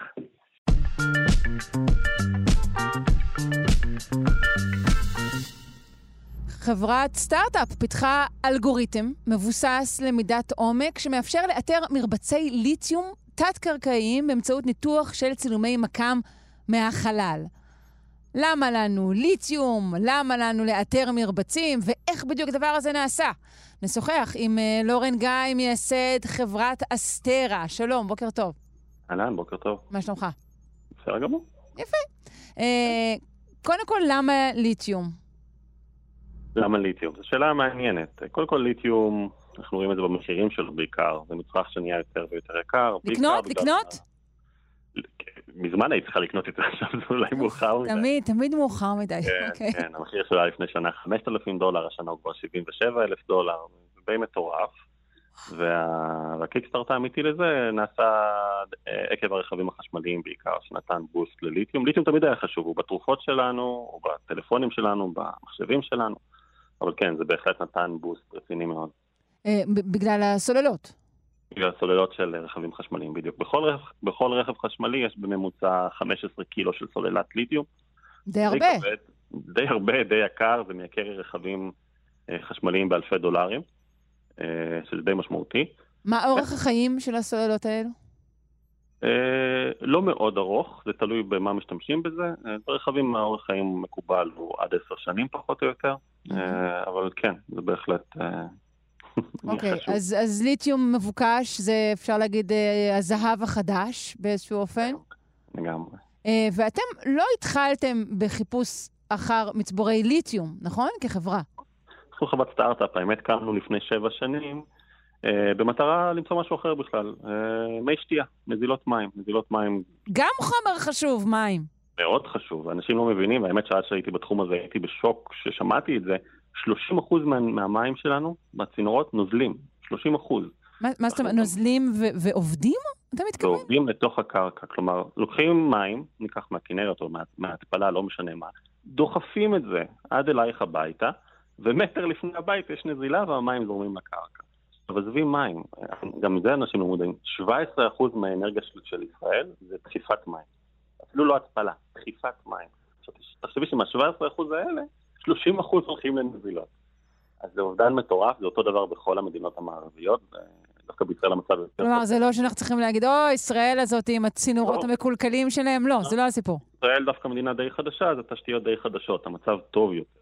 כן. אבל כן, קמנו בשביל למצוא את הנזילות האלה, זה אובדן מטורף של מים, אובדן מטורף של אנרגיה, והצלחנו, אנחנו עובדים רגע, רגע, איך. איך, איך מוצאים את הנזילות האלה ש- שלא בשיטות אז, פרימיטיביות? בוא נלך עוד צעד אחורה. אנחנו, אני גיאופיזיקאי, קבוצה של גיאופיזיקאים, אה, דרך רדארים. יש לנו רדארים, לא שלנו, אבל יש רדארים על לוויינים. אה, רדאר יש לו יכולת מופלאה, א', לחדור את הקרקע בתדר מסוים, והוא רגיש לתכונות חשמליות של חומרים. אה, מים מוליכים חשמל, לכן מים מאוד מאוד בולטים ברדאר. אה, ושאת מחברת אחד ועוד אחד, כלומר, לחדור את הקרקע, פלוס החתימה של מי שתייה שאת יודעת לזהות אותה. כלומר, מהחלל אני יכול להגיד אם בכוס שלך יש מי שתייה לעומת מים רגילים, סתם, גשם. אז, אז אוקיי, זה רדאר שנמצא בלוויין, שנמצא כהרגלו בשמיים, ו- ו- ו- וכך מאתרים נזילות בקרקע? כן, זה הפך להיות מה שנקרא common practice, ממש הלוויין חודר את הקרקע, את האספלט בתוך העיר, הוא רואה כמה מטרים מתחת לאדמה ומצביע איפה יש נזילת מים, וכמובן התאגיד בא לתקן את זה. כן, כן, כמובן, אני צריכה לפתוח קריאה ולהמתין, והוא יבוא לתקן את זה. לגמרי. ורוב אה, התאגידים לא עושים יותר מדי בתחום. לא. אה, יודעת, הכי נפוץ זה שמישהו מתקשר, יש לי נזילה מול הבית, אבל זה מאוחר מדי ברוב המקרים. כן, ואתה אומר שניתן לזהות את הנזילות האלה כשהן בתוך הקרקע, כשאנחנו בכלל לא יודעים שהן קיימות. נזילה, עד שנזילה פורצת יכול לקחת כמה שנים, בישראל בגלל שהקרקע די חולית, לפעמים היא לעולם לא תפרוץ החוצה, זה פשוט הולך למי תהום, נספג למטה.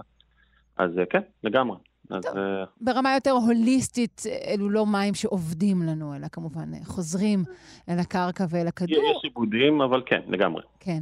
אה, אוקיי, ואיך מגיעה אה, חברת אסטרה ממים לליתיום? אז uh, במים הצלחנו, והעסק מוכר, וזה כמובן המוצר הראשי, אבל אז ישבנו וחשבנו איך עוד אפשר לקחת את הטכנולוגיה שלנו, לא לעולם המובן מאליו של דיפנס, את כל הדברים, השימושים הצבאיים שאפשר לעשות עם רדארים, אלא באמת לעזור לעולם. וזיהינו שבאמת ליתיום כרגע, עם כל ההתחממות הגלובלית ומשבר האנרגיה שקורה עכשיו מכל מיני סיבות, ליתיום נהיה חשוב יותר ויותר, לא סתם הוא קופץ ככה, אבל ליתיום, למרות שזה אחד המשאבים הכי נפוצים בכדור הארץ, זה מינרל מאוד קל, הוא שלישי בטבלה המחזורית, קשה מאוד למצוא אותו בכמויות מסחריות, הוא מפוזר ממש ספורדית. כלומר, היום יש ממש קושי למצוא ליתיום בכמות מסחרית. לדוגמה, בארה"ב יש מכרה אחד של ליתיום, שאמור לספק את כל הצרכים שלה, אה, ואמרנו לעצמנו, רגע, ליתיום הוא לא סתם משומש בסוללות, יש לו מוליכות חשמלית מאוד גבוהה, יש לו קיבולת חשמלית, אפשר למצוא אותו עם רדארים, אנחנו חודרים את הקרקע, למה שאנחנו לא נמצא את המרבצים ונגיד איפה הם נמצאים בדיוק, ואז יש... כי אה, הטכנולוגיה של, של איתור מים דומה לטכנולוגיה של איתור ליתיום? זה בעצם אותו דבר. במקום, במקום לחפש את החתימה של מים, אני אחפש את החתימה של ליתיום, בדיוק. אוקיי.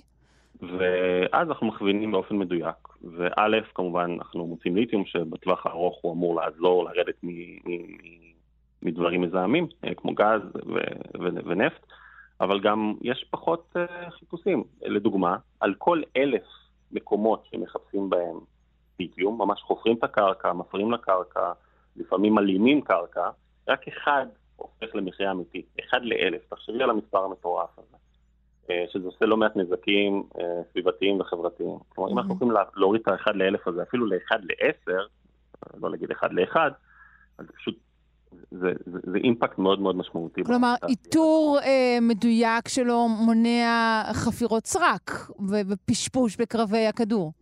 לגמרי, וזה אפילו הולך למקומות חברתיים שלא חושבים עליהם. נגיד בארצות הברית רוב הקרקעות הן פרטיות, ובעיקר במדבר הן בבעלות אה, אינדיאנית, הנייטיב אמריקן. כן.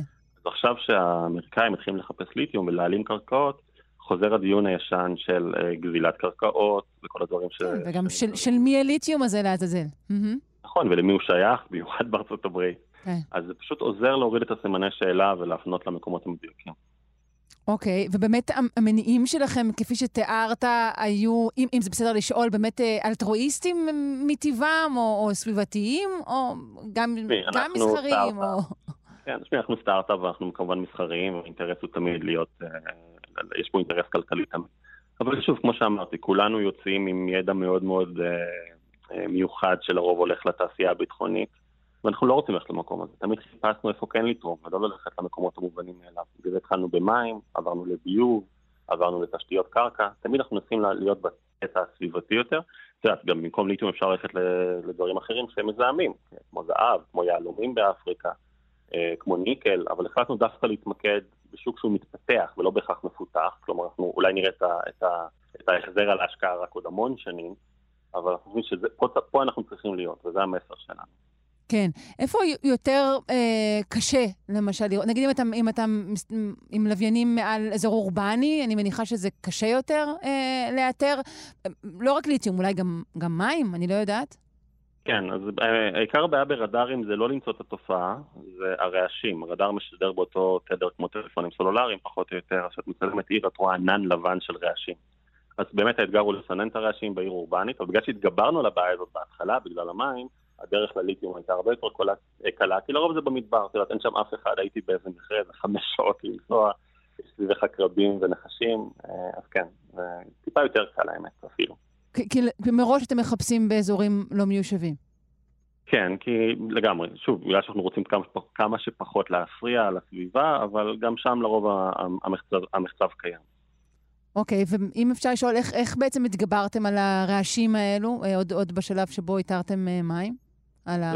אז אם אפשר לצלול עוד טיפה להיות טכני, אז רדאר, אה, כמו שאמרתי, הוא מושפע מתכונות חשמליות, אבל גם לרדאר יש תכונה מופלאה שאת יכולה לשלוח אותו בכמה כיתובים שונים, פולריזציות שונות, וכשהוא פוגע בחומר או שהוא פוגע ברעש, זה משנה את הכיתוב. ואם אנחנו יכולים למדוד את השינויים הקטנים האלה, אנחנו יכולים להגיד, אוקיי, הוא פגע כרגע בחומר X, והוא פגע ברעש Y, ואנחנו יודעים מה זה הרעש הזה כנראה, כי אנחנו יודעים לאפיין אותו, כי ראינו אותו המון במקומות אחרים. וככה זה כמו, זה, זה כמו שיש בו שכזה, עוד מורידה דבר קטן ועוד קטן ועוד קטן, עד שאת רואה את התמונה השלמה. כן.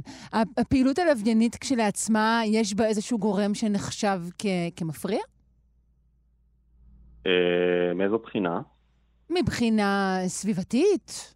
את יודעת, הלוויינים, האמת שזה גם הולך לכיוון טוב, את יודעת, לוויינים בעבר היו בעיקר ממשלתיים, הם היו, הם שקלו טונות, לקחו המון משאבים כספיים, כספיים ממדינות, אה, מהמדינות. אה, היום לוויינים זה כבר טיפה אחרת, כל העניין של New Space, לוויינים יהיו הרבה יותר קטנים, כמה עשרות או מאות קילו. כן. וכן, זה, אני חושב שגם לזה יש תרומה לא קטנה. והם פחות מזהמים גם את, ה... את מה שמסתובב לנו סביב כדור הארץ, את שכבת הזבל הזו. אה, אז כן, אני חושב שזה גם תורם בעניין הזה. אוקיי, okay. ובסופו של דבר אנחנו, בכל מקרה, אתה אומר, אה, עושים שימוש הולך וגובר בליתיום, אז אה, עדיף שנאתר אותו איפה שהוא נמצא, נחפש אותו איפה שהוא נמצא. אבל את יודעת, אנשים אומרים לי, כן, אבל עכשיו אתם הולכים לעולם המכרות. זה גם עולם סוג מזהם. נכון. למה אתם הולכים לעולם הזה? אני אומר, נכון. יש, יש צדק במה שאתם אומרים, אבל בואו נסתכל טיפה על, על, על תמונה גדולה, כי אנחנו במשבר בעולם כרגע. יכול להיות שבטווח המאוד קצר, כן, יש מכרה חדש, הוא לא באמת מזהם, אבל הוא מפריע. אבל בטווח הארוך זה מה שצריך כרגע, אה, וזו הדרך. בסדר גמור, אה, נאחל לכם בהצלחה. לורן גיא, מייסד חברת אסתרה, תודה רבה לך על השיחה הזו. תודה לך.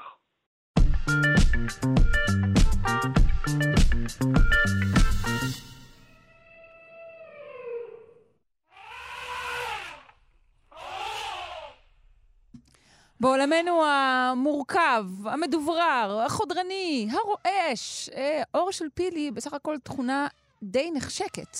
אה, אבל מה קורה עם הפיל עצמו? מהי בעצם התכונה הנקראת אור של פיל? נשוחח עם ורד שפירא, ביולוגית במכון דוידסון, הזרוע החינוכית של מכון ויצמן למדע. שלום, ורד. שלום, שלום. מה שלומך? מצוין. יופי. אז, אה, פילים.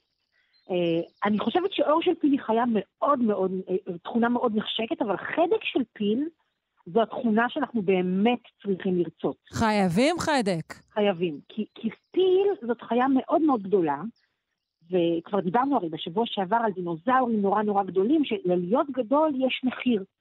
והמחיר, כשאתה כל כך כל כך גדול, אתה צריך תמיכה, תמיכה פיזית, ואתה חייב לעמוד על כל ארבע הגפיים שלך, על ארבע נכון, רגליים. דיברנו על הכריות הייחודיות אה, של הדינוזאורים נכון. הגדולים. וגם פילים מוכרחים את כל התמיכה הזאת והם נשארים בלי, בלי, איך נאמר, בלי ידיים. והם צריכים עדיין לעשות דברים. אה, נשארים בידיים כי הם עומדים על ארבע רגליים. כן. בדיוק, הם צריכים את זה לתמיכה. ואז הם צריכים משהו שיחזיק את כל 5,000 הקילוגרמים שלהם, והם צריכים משהו גם שיעשה את הפעולות של מוטוריקה גסה ומוטוריקה עדינה, של דברים שצריך לעשות איזה ידיים שפנויות לעבודה. אז הפתרון האבולוציוני הבאמת מופלא שהתפתח אצל פילים הוא החדק. כן. לכאורה מדובר באף, אבל זה לא רק כדי לנשום, זה עושה עוד המון המון דברים. חדק עושה למשל, הוא משמש לנשימה, אבל הוא גם יד. הוא משמש לאחיזה של חפצים, הוא יכול אה, לעקור עצים במוטוריקה גסה, אבל גם לאחוז בעלים אה, במוטוריקה עדינה. בקצה של החדק יש לה פיל אצבעות. לפיל אפריקני יש שתי אצבעות בקצה החדק, לפיל האסייתי יש אצבע אחת בקצה החדק, החדק שממש יכולים לאחוז את הדברים. וביד האנושית, אם אנחנו נחשוב על ההשוואה ליד שלנו, התנועה שלנו מבוססת על עצמות ועל מפרקים. והתנועה הזאת היא מצוינת, אבל היא גם מוגבלת. כי כל אה, מפרק, הוא, שהוא מפרק צירי, הוא כמו באצבעות או במרפקים שלנו, יודע לעשות למעלה ולמטה, לפתוח ולסגור, אבל זהו. אבל אצל הפיל, כל החדק הוא רקמה שרירית. קצת כמו הלשון שלנו, שאנחנו יכולים למתוח אותה ולכווץ אותה, מהמם. ובחדק של הפיל יש בערך 40 אלף שרירים, לעומת 650 שרירים בכל הגוף האנושי, וואו. מה שמאפשר לו ממש תנועה מאוד מאוד מורכבת, מצד אחד מאפשרת לו להיות מאוד מאוד חזק, אבל גם מאוד עדין, כי אין בו... אז הוא עבר שהוא גם. חזק מאוד, גם גמיש מאוד, גם עדין מאוד. נכון, ו- ו- וזה בעצם אף שבנוי כמו לשון ומתפקד כמו יד. ו- אבל לא רק, הוא גם יכול להיות קשית שתייה למשל. כי ח- פילים שותים בעזרת החדק שלהם, והם יכולים לקחת בכל עגינה עשרה ליטרים של נוזל. עכשיו גם כוח השאיבה שלהם הוא מאוד מאוד חזק. והחדק של הפיל הוא כל כך מסקרן ביכולות שלו, שבמשך שנים גם ניסו מצד אחד להבין איך הוא בנוי, אבל גם ניסו לחקות אותו ולבנות אה, רובוטים שמחקים את התנועתיות של החדק של הפיל. וחברת פסטו ביוניקס למשל, אה, שהיא חברת אה, רובוטיקה שעושה הנדסה ביונית ומחקה ככה תנועות של כל מיני בעלי חיים, הם בנו אה, רובוט של חדק ביונית, שמחקה את התנועות ואת התנועה הזאת הכל כך מיוחדת של חדק הפיל, וזה משמש למשל בתעשייה אה, כדי להרכיב אה, שערות למברשות שיניים. כלומר, זה עושה דברים מאוד מאוד מאוד עדינים, בתנועה שרובוט של יד ביונית לא מסוגל לעשות. את אומרת שרובוט, דמוי חדק של פיל, מרכיב מברשות שיניים. בסדר גמור. אה, כן, אבל הוא יכול גם למשל קצת בחדרי ניתוח. אבל אוקיי. אה, מה לגבי המחקר- האור של החדק? כי יצאנו באמת מאור של פיל. אז, אז האור של פיל הוא מיוחד אפילו עוד יותר כשמדברים על החדק. כי אנחנו מדברים על אור של פיל כמשהו נורא נורא עבה ולא חדיר, אבל כשאתה מדבר על אה, איבר שהוא כל כך מורכב וכל כך מיוחד, גם ביכולות שלו, אתה רוצה לבדוק מה באור הזה של הפיל מאפשר את, ה, את היכולות האלה. ובמחקר שהתפרסם לאחרונה, חוקרים ניסו להבין יותר לעומק דרך הסתכלות ותצפיות על פילים. הם נעזרו בשני פילים אה, אפריקאים בגן החיות של אטלנטה, וצילמו אותם במצלמות שמצלמות הרבה פריימים בשנייה, מצלמות מהירות, הם שמו מזון לפילים באזור מרוחק מחוץ לסורגים של החצר שלהם. שהיה צריך לשלוח ולא... את החדק בשביל להגיע אליו. בדיוק, היה צריך לשלוח את החדק, החדק כדי להגיע למזון, שמו את המזון במרחקים שונים, וצילמו למעשה את הדרך שבה החדק מתארך כשהוא מושט אל עבר המזון. ומה שהם גילו היה שהחדק לא מתארך בצורה אחידה בכולו, בכל האורך שלו. מה זאת אומרת? תסביר. אם אנחנו מוציאים לשון, תוציאו כולכם לשון, ואנחנו מותחים ככה את הלשון החוצה מהפה, אז אנחנו רואים שהלשון הזאת מתארכת בצורה אחידה לכל האורך. אנחנו לא שולטים באזורים שהתארכו בצורות שונות, לא מצליחים להפעיל את השרירים האלה בצורות שונות לכל אורך הלשון, וגם לא בחלק העליון ובחלק התחתון של הלשון. זה פשוט משהו שנמתח כמו איזשהו, נחשוב על איזה מסטיק כזה שמותחים אותו לכל הכיוונים, והוא מתארך בצורה אחידה. כן, כל המאזינים כעת אה, כמובן אה, מוציאים את הלשון ובוחנים את התיאור הזה שלך. הייתי מוציאה גם, אני פשוט לא יכולה תוך כדי שאת מדברת. עכשיו, זה ככה גם בעזרות של צמנונים למשל. אבל אצל פילים, אצל הפיל הם רואים שיש הבדל בהתארכות של החלק העליון של החדק, זה שפונה החוצה לסביבה, אם אנחנו נחשוב ככה, שפיל עומד עם החלק שלו רפוי, זה חלק שפונה החוצה אל הסביבה, לבין החלק שהוא פונה לכיוון הפה, החלק הפנימי של, ה, של החלק. החלק החיצוני מתארך יותר מהחלק הפנימי, העליון יותר מהתחתון, ויש כאן איזושהי התארכות שהיא אסימטרית של החלק. עכשיו, הם גם ראו שיש הבדל מבחינת אה, צפיפות מסת השריר. בחלק העליון, החיצוני, יש מסת שריר שהיא קטנה יותר מאשר בחלק התחתון. זה מרמז לנו על זה שיש כאן איזשהו עניין של אה, חיסכון אנרגטי. Mm.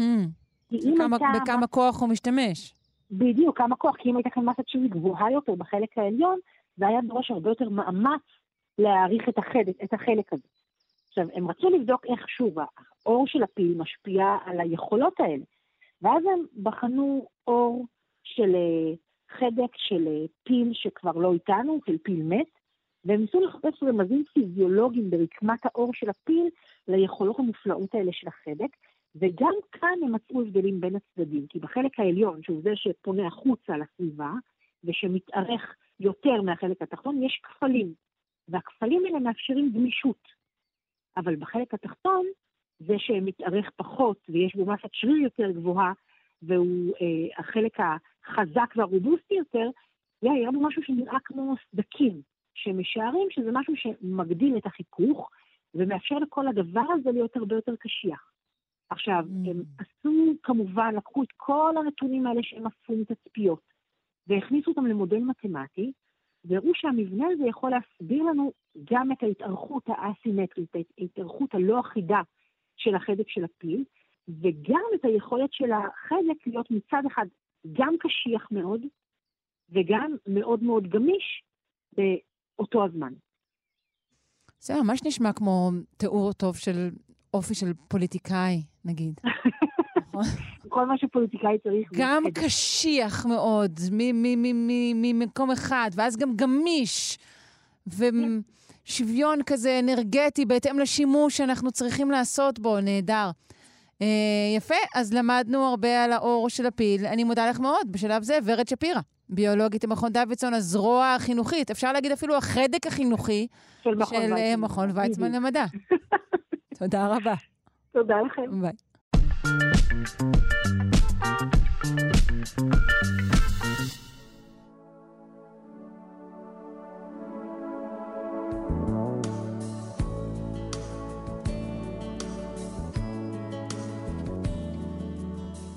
והיום אה, בפינת הקיימות שלנו, מס חדש, ייי, מס חדש. כולם נורא רוצים לשמוע על מס חדש. יאיר אנגל, מעצב ומנכ"ל קיימה, מרכז לתכנון ועיצוב מקיים, שלום. שלום וברכה. כן, חשבתי ישר על נושא ממש מרתק. מה שקוראים סקס. מס חדש. כן, אז uh, כמו שאמרת, נדבר היום על מס חדש שעומד להיכנס לתוקף בקנדה ממש בספטמבר, ואמור לסייע למאבק בשינוי... כולם נושמים לרווחה, לא מס חדש אצלנו, אלא לא, אצל לא, חלילה, אנחנו ייקח לנו עוד הרבה זמן על זה, אבל uh, uh, המס נקרא uh, המס על פריטי יוקרה נבחרים, The Select Luxury Item Tax Act. וכמו שאמרתי, הוא ייכנס לתוקף בראשון לספטמבר. אני חושב שהוא גם יעבוד רטרואקטיבית על קניות מלפני זה.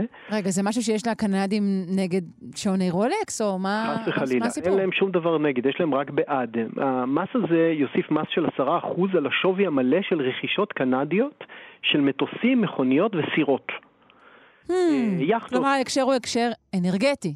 אה, זיהום, אוויר, אנרגיה, אה, ורכישות של אה, מוצרי יוקרה מאוד יקרים. הם מדברים פה על מטוסים ומכוניות אה, בשווי שעולה על 78 אלף דולר, זה לא סתם הם בחרו, זה 100 אלף דולר קנדי, וסירות שעולות יותר מ-194 אלף דולר אמריקאים, שזה יותר מ-250 אלף דולר קנדים. נראה לי שבאמריקה, בארצות הברית, זה לא היה עובר. זה נשמע לי חוק שיכול לעבור בקנדה. הוא, זה, זה כל העניין, זה מתחיל במקום אחד ואז כאילו, כמו בשיחות כאלה, שזה מתחיל לזוז מהקצה של השולחן לאמצע השולחן ומתחיל להשפיע, ולא נדבר על זה אולי היום, אבל עבר חוק האקלים המאוד מאוד מרשים בארצות הברית, אחרי כן. שטענו שהוא לעולם לא יעבור. אז פה ממשלת קנדה טוענת שהמס הוא לא רק ירתיע את העשירים מרכישה של אה, רכבים שהם עתירי פליטות ומזהמים, אלא גם אמור להקטין את אי השוויון בין העשירים ובין העניים, לא פחות. כן. עכשיו, הפרסום של המס הזה הוא איכשהו רוכב על דוח שיצא לאחרונה על ידי חברת שיווק בריטית שנקראת יארד, והכותרת שלה, אה, הכותרת של הדוח הוא סלבס עם פליטות אה, CO2 של, של jet planes, של כן. מטוסי סילון הגרועים ביותר. אז זהו, קודם כל בוא תן לנו רגע מילה כללית לפני שאנחנו נידרש אה, לרשימה ואני אמסור כמה פרטים, אפשר להגיד, נכון? זה כאילו רכילות של טביעת רגל פחמנית. רכילות של פרטים, כן. אה, אז קודם כל, נכון, טיסה מטוס פרטי משולה לכמה טיסות שלנו? אמ, מדברים על זה שארבע שעות, אה, ארבע שעות של טיסה אמ, הם בערך אה, מה שכאילו פולט אה, בן אדם רגיל במשך שנה שלמה. פשוט ככה. זאת אומרת, יכול כן. להיות שסלב, זמר, זמרת ידועים, אה, עומדים בקונצרט שלהם וצועקים למען כדור הארץ, למען ימים יפים יותר, אבל אה, בפועל האופן שבו הם הגיעו אל הקונצרט הזה אה, אה, בזבז הרבה מאוד אנרגיה.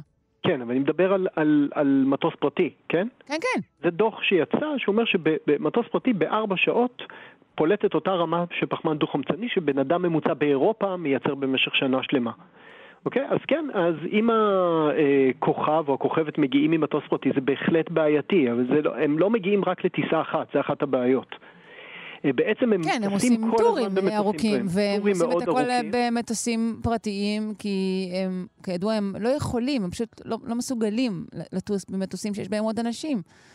כי הם אה, אנשים מיוחדים. נכון, ויכול להיות שלפעמים יש בזה איזשהו צורך, יכול להיות שיש כל מיני קשיים מסביב, אבל כמובן שזה פתיר הדבר הזה. מה שהם עשו בכותרת הזאת, בחזרה לרכילות הסביבתית הפושעת שלנו, הם, הם, יש, יש להם הרבה מאוד נתוני טיסה גלויים שאפשר להשיג אותם. ויש כמה חשבונות טוויטר מאוד ידועים כאלה, אחד מהם נקרא Celeb Jets, שעוקב אחרי מטוסי עשירים ומפורסמים. ומפרט את כל העבריינים הסביבתיים הגדולים ביותר בעולם ואת טביעות הרגל הפחמניות שלהם.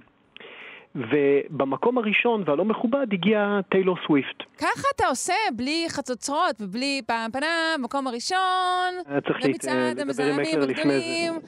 נמצא, נמצאת, הגיע, כן, אבל כבר אמרת, זאת כן. טיילור סוויפט. אז היא עד סוף חודש יולי השנה, המטוס הפרטי שלה טס 22,923 דקות, היא כבר עברה את זה ממזמן. אבל זמרת מאוד מצליחה. מאוד מאוד מצליחה, 16 יום. בשנת, בשנת 22 שהיא לא הסתיימה, ופלט יותר מ-8,000 טון מטרי של פחמן דו-חמצני, ששווה ערך בערך לפי אלף יותר מהפליטות השנתיות של האדם הממוצע. וואו, יש לציין שמטעמה אמרו שהמטוס הזה גם מושאל לעוד אנשים. כן, אה, היא בהחלט ידועה בתור אישה מאוד מאוד נחמדה ונדיבה, והיא אומרת אה, שבאמת אה, היא משאילה את זה לאנשים אחרים. יש שם, הרשימה הזאת מדהימה. יכול להיות, אבל זה עדיין מטוס פרטי, היא לא נכון. משאילה את זה למאות נוסעים. נכון, משאילה את זה לחברים עשירים ומפורסמים כמוה, שטסים לכל מיני מקומות, לא תמיד צריך לטוס אליהם בכלל. אה, אחריה ברשימה יש את המתאגרף פלויד מייווותר, וג'ייזי, המוזיקאי, ושחקן הבייסבול לשעבר, אלכס רודריגז, זאת אומרת, אנשים ממשיכים לטוס שנים אחרי זה, כי יש להם המון המון כסף, הם לא יודעים איך לבזבז אותו. אולי אה, הם מוזמנים עכשיו- לאירועים. רגע, בוא נדבר על, על מק, מקום שישי ברשימה מאוד הפתיע אותי, שזה אה, סטיבן ספילברג. תשמעי, הוא צריך לטוס לבדוק כל מיני לוקיישנים. אני רוצה לדבר דווקא על הסיבות להיטפל ל- לסוויפט. אה, היא פופולרית מאוד מאוד למי שלא מכיר במקרה, אה, היא פופולרית מאוד בארצות הברית. כבר ב-2012 היא הייתה, הייתה לה מודעות ציבורית של 90% ופופולריות של 80% בארצות הברית. מתייחסים אליה כעל אהובת אמריקה, מודל לחיקוי, והיא אמרה בעצמה שהיא רואה אחריות אישית שלה להיות מודעת להשפעה שלה על מעריצים צעירים. אה, אפילו כתבו לפני שנים אה, ברולינג סטון אה, שלא קשה לדמיין אותה רצה לנשיאות ביום מן הימים. ויש לה, היא הבן אדם הכי נעקב בעולם ברשתות החברתיות. יש לה יותר מ-350 מיליון עוקבים באינסטה, בטוויטר, בפייסבוק, ולכן מחפשים אותה. כי רוצים להשתמש בה בתור מנוף, לפנות לאנשים צעירים ולהתחיל לעשות איזשהו שינוי, כי זה לא קורה. אנשים פשוט טסים כמו משוגעים. אה, גם כולנו בעצם, אפשר לראות את זה בשדה התעופה בן גוריון בישראל ובכל המקומות האחרים, אחרי הקורונה אנשים הרגישו ששחררו להם עכשיו את, ה... את הרסן ואפשר לטוס, ולא מבינים את הזיהום האדיר ו- שכל התעשייה הזאת לוקחת חלק בו. כן, טוב, אנחנו חיים במקום שבו קצת קשה, אתה יודע, ללכת ברגל הרבה למקומות. אנחנו מדינה קטנה, מוקפת אויבים. אה, כן, אבל כרגע אנחנו נמצאים, עכשיו מתחילים להרגיש יותר ויותר את אה, משבר האקלים, את שינויי האקלים, וכנראה שנצטרך לוותר על כל מיני דברים, ויכול להיות שאפילו על טיסות, לפעמים, חלק. כן, אבל באמת, כמו שאתה אומר, יהיה קשה מאוד אה, להגיד אה, לנו, האנשים הקטנים והפשוטים, לוותר על משהו, כל עוד עשירי העולם אה, נכון. עושים בו כרצונם. עכשיו, אה, אני, אני יכולה רק לתת עוד ככה שני שמות לוהטים מהרשימה. כן, בוודאי. במקום השביעי אה, נמצאת קים קרדשיאן, וזה לא מפתיע אף אחד. זה לא מפתיע. לא. ובמקום התשיעי אה, נמצאת אה, עוד אה, אישה שלדעתי מתהדרת בהרבה מאוד אה, נוצות אה, חינוכיות שקשורות אה, להשפעה חיובית על המונים. אה, אז במקום התשיעי, מצעד הזיהום הזה, נמצאת אה, אופרה ווינפרי. בהחלט, אה, היא באמת אה, גם נחשבת מאוד דמות חינוכית ותורמת וכולי, אבל תראי, נכון, היה... העורכת- אה, שלנו, אלכס ויקר פה, מנסה לראות את הצד החיובי של הדבר, ואומרת שיש יש ייצוג גדול לנשים ברשימה. נשים התקדמו, והן כעת מזהמות גדולות, ממש כמו הגברים. כל הכבוד. אופטימיזם חסר תקנה של אלכס. אה, אני, אני רוצה להסביר, יש פה עוד אה, אנליזה, אני מצטער שאני חוזר לאנליזות, אה, שבעצם מצאו ב- שב-2021 אחוז אחד של העשירים ביותר, כאילו הטופ, הטרילריון העליון, גרמו ל-50% מהפליטות הנגרמות בכל הטיסות בעולם. זה קשה אפילו לעכל את, ה, את התובנה הזאת. אחוז אחד של העשירים, 50% מהפליטות הנגרמות בכל הטיסות בעולם, ומדברים על זה שיותר מ-15% מפליטות הפחמן העולמית בכלל, על ידי כל, ה, על ידי כל הפליטות שלהם בקניות בנייה ו, ו, ועסקים, כן? כן. אה, נכון וצריך ש- לציין ש- שלא מדובר פה באיזו אה, רדיפת עשירים לשם רדיפת עשירים. לא, לא, הם באמת... רוצים שיהיה אה, פחות מזוהם. עושים את זה. עכשיו, נכון שיש הרבה ביקורת על ההתמקדות בעשירים, ואני בכלל לא ברור לי אם זאת הדרך האידיאלית, אבל יש יותר ויותר יוזמות מעקב ופרסום אקטיביסטי של ההתנהגות שלהם והנזק הסביבתי, כי הם בעצם מובילי דעה, אין מה לעשות, הם הסלבריטאים, הם, הם, הם מעריצים אותם והולכים אחריהם, ואם הם יעשו את השינוי הזה וילכו עם זה בתור טופיק, בהחלט יכול להיות אה, שינוי מעניין. נכון, אני רוצה- נזכרת אגב בביקורת הרבה שהושמעה על אל גור בשעתו, שהוא זה שהביא לנו הרי את אה, אה, בשורת אה, אה, משבר האקלים, ושהוא עשה את זה תוך כדי טיסות לא מעטות. כן, אני חושב שהוא היה גם באיזשהו תפקיד אה, שולי כמו סגן נשיא ארצות הברית, ויכול להיות שזה היה חלק מהעבודה שלו, ואני חושב ששם גם היה איזשהי אה, סוג של אה, ניסו להיכנס בו פוליטית, כן, נכון. בגלל ההתמקדות שלו בשינוי אקלים. אני רוצה לתת עוד דוגמה אחת, אם יש לי דקה. דוגמה אחרונה, בהחלט. יופי. יש מיזם אקטיביסטי דיגיטלי טכנולוגי מדהים שנקרא לאביון דה ברנר, המטוס של ברנר. אה, אני מבטיח להעלות אותו לפייסבוק שלי ולזה של שלושה שיודעים. אה, ברנר ארנו, למי שלא מכיר, הוא מיליארדר צרפתי. הוא מנכ"ל התאגיד LVMH, ההון שלו מוערך במשהו כמו 200 מיליארד דולר, הוא אחד האנשים הכי עשירים בעולם. ויש אתר פשוט מדהים של חבר'ה סביבתיים שעוקבים אחרי הטיסות שלו, יש שם גם הדמיה תלת-ממדית שרואים אותו טס ממקום למקום, הוא כל הזמן במטוס. עוד פעם, זה לא סתם נדבקים אליו, הוא מחזיק LVMH הם הבעלים של מואט, לואי וטון, קריסטיאן דיור, הם מתעסקים באופנה, במותגי יוקרה, ובעצם באים ואומרים, רגע, למה שהוא יטוס כל כך הרבה? הוא, זאת חברה נורא נורא עשירה, הוא נותן דוגמה לאנשים, ויש פה את המלחמה הזאת בין הרעיון של לרסן את ההתפרעות המוחלטת של תרבות הצריכה, ובין הרצון אה, לשמור עלינו ולנסות לעצור את, ה, את שינויי האקלים ואת המשבר האקולוגי העמוק שאנחנו נמצאים בתוכו. כן, אז לביון דה ברנר זה המיזם הזה, ואנחנו מזכירים אה, שוב את מה שיצאנו ממנו, המס החדש שעומד להיכנס לתוקף בקנדה, אה, שיהיה מס שיחול על, על מוצרי אה, יוקרה מזהמים. אני מודה לך מאוד, יאיר אנגל, מעצב ומנכ"ל קיימה, מרכז התכנון ועיצוב מקיים. תודה רבה. תודה, בקרוב אצלנו. כן.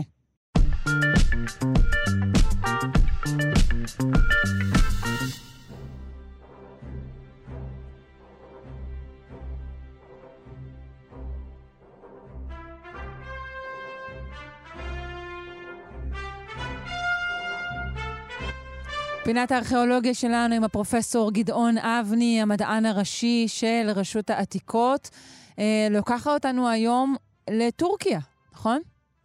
כן, לטורקיה. הזדמנות טובה אולי, עכשיו היחסים מתחממים וכו'. כן, זה הזמן, זה הזמן להגיע לטורקיה. ואנחנו הולכים לפינה בדרום-מזרח טורקיה, ליד העיר אורפה, היא אור כסדים שמוכרת מהתנ"ך, אברהם אבינו נולד שם לפי המסורת, אבל אנחנו הולכים כמה אלפי שנים אה, עוד אחורנית, אה, בערך 11,500 שנה לפני זמננו.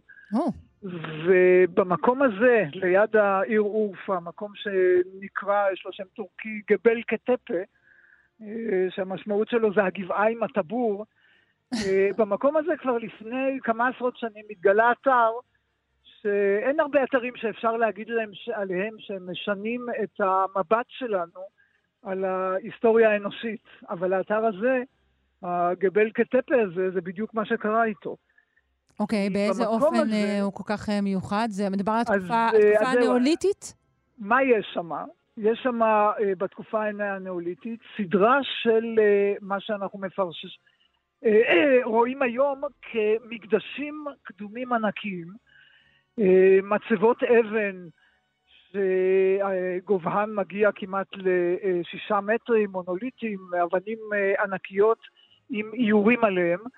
והמקום הזה, שהוא אה, לא קטן, משתרע על שטח די נרחב, הוא בעצם הפעם הראשונה שבה אנחנו מזהים שהאנשים יוצרים התארגנות חברתית כדי ליצור איזשהו מקדש ענק, אולי המבוא למקדשים הגדולים שאנחנו מכירים במצרים ובמסופוטמיה ואפילו אה, אצל המאיה והאינקה.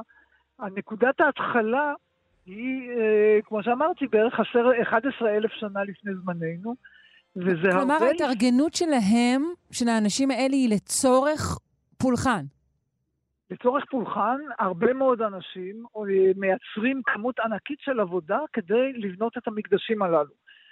אה, עכשיו, עד שגילו את המקום הזה, הדעה המקובלת הייתה שההתארגנות החברתית האנושית הגדולה התחילה רק בעצם אחרי שימצאו את החקלאות, אחרי שיש לנו אה, מעבר מציידים לקטים לחקלאים, ופה בחברות כנראה אולי לפני החקלאות, אולי ממש בשלבים הראשונים של החקלאות. כלומר, הם עדיין ציידים לקטים, ובכל זאת.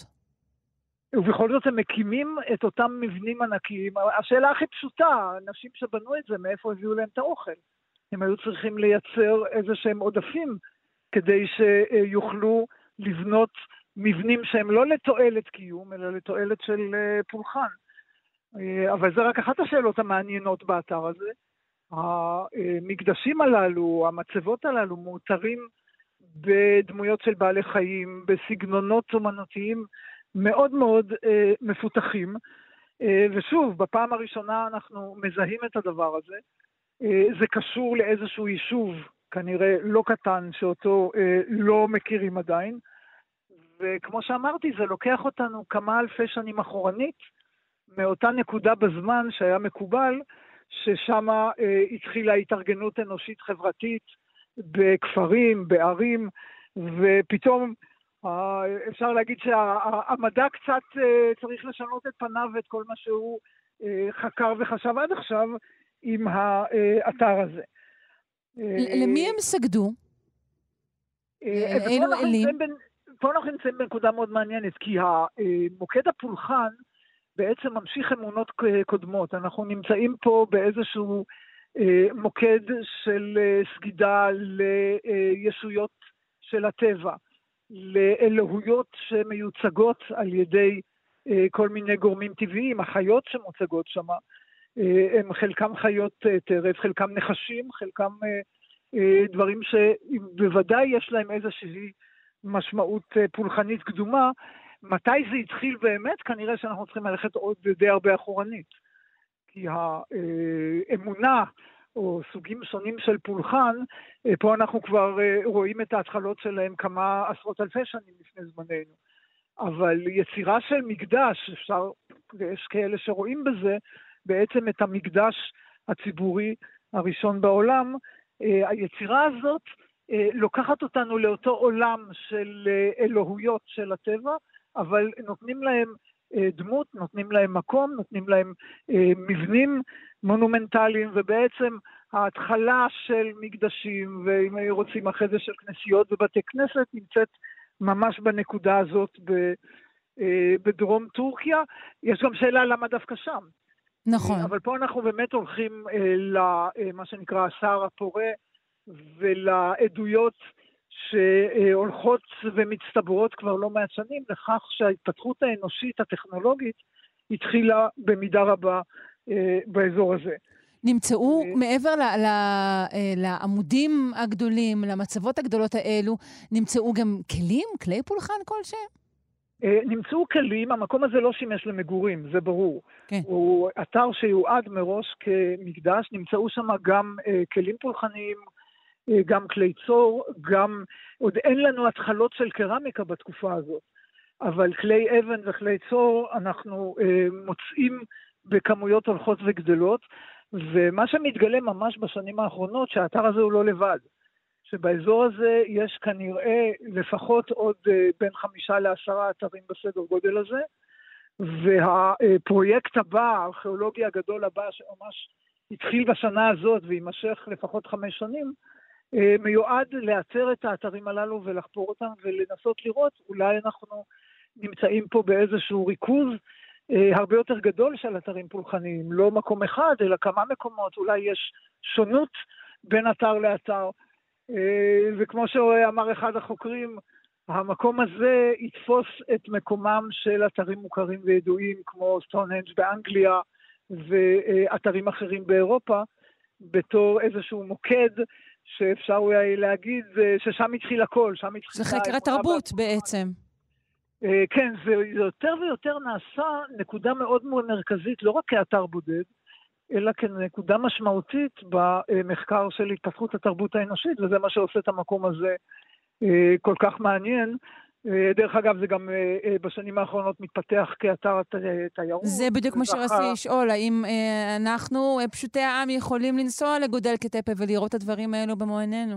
אז זה בהחלט אפשר. היו כמה שנים שהאזור הזה היה מאוד בעייתי, גבול טורקיה וסוריה, מלחמות וכולי, אבל בשנים האחרונות, במיוחד בשנתיים האחרונות, המקום הזה הולך ומתפתח, הוא הוכר כאתר מורשת עולם על ידי אונסקו, ובהחלט גם הממשלה הטורקית וגם משלחות ארכיאולוגיות אה, ממקדים את המאמץ כדי להמשיך אה, ולחפור ולגלות שם, וזה בהחלט אתר תיירות שמי שמזדמן לאזורים האלה בטורקיה, בוודאי אה, לא יוכל להחמיץ אותו. ורמת הש... השימור שלו היא, היא מרשימה, או שזה כשאתה מספר זה נשמע מדהים, אבל כשנכנסים ורואים בעיניים זה מרשים? רמת השימור היא מדהימה. היא מדהימה בגלל סיבה מאוד פשוטה, כי מסיבה שאנחנו לא יודעים, האתר הזה עבד בערך 1,500 שנה, ואז באופן מכוון כיסו אותו. פשוט בנו ערימה ענקית אה, של עפר, מעין תל, שכיסה mm. את האתר הזה, והוא התגלה כי רק ראשי המצבות בצבצו מעל פני השטח. זאת אומרת... אולי הסתירו אותו שאחר... מפני מישהו, מפני משהו? אז שוב, זה אחד הנושאים שאנחנו בתחום הספקולציה. כן. האם היה איזשהו איום על הקהילות האלה? האם חלק מהפולחן באיזשהו שלב דרש את הכיסוי וההסתרה, ואולי שמירה לדורות הבאים כדי שמישהו אי פעם יגלה את זה. אה, העובדה היא שהאנשים פשוט עזבו. האתר בצורה מכוונת כוסה, חלק מהממצאים נלקחו משם, אה, ולכן גם הוא השתמר בצורה כל כך מופלאה, כמעט עשרת אלפים שנה. גובקלי טפה, אה, כך נקרא המקום הזה בדרום מזרח טורקיה. אני מודה לך מאוד, פרופ' גדעון אבני, המדען הראשי של רשות העתיקות, אה, פינת הארכיאולוגיה. תודה רבה. תודה, להתראות.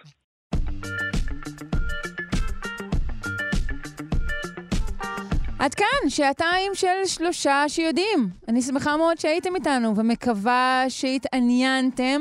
אה, מזכירה לכם שאם החמצתם משהו, ניתן להאזין לנו גם בשידור החוזר בשעה שמונה בערב, או בצורה של הסכת ביישומון של כאן, או בכל אופן אחר אה, שאתם מעדיפים. לא ניכנס לכם לפינה הזו. אה, מוזמנים גם להיכנס לעמוד הפייסבוק שלנו, כאן, שלושה שיודעים, אבל יישארו, יישארו כאן, כי אחרינו גם כן תרבות עם גואל פינטו. אז להתראות מהעורכת אלכס לויקר, מהמפיקות שלנו. שלנו, תמר בנימין וטל ניסן, מהטכנאי תמיר צוברי, וגם ממני, שרון קנטו. יום טוב.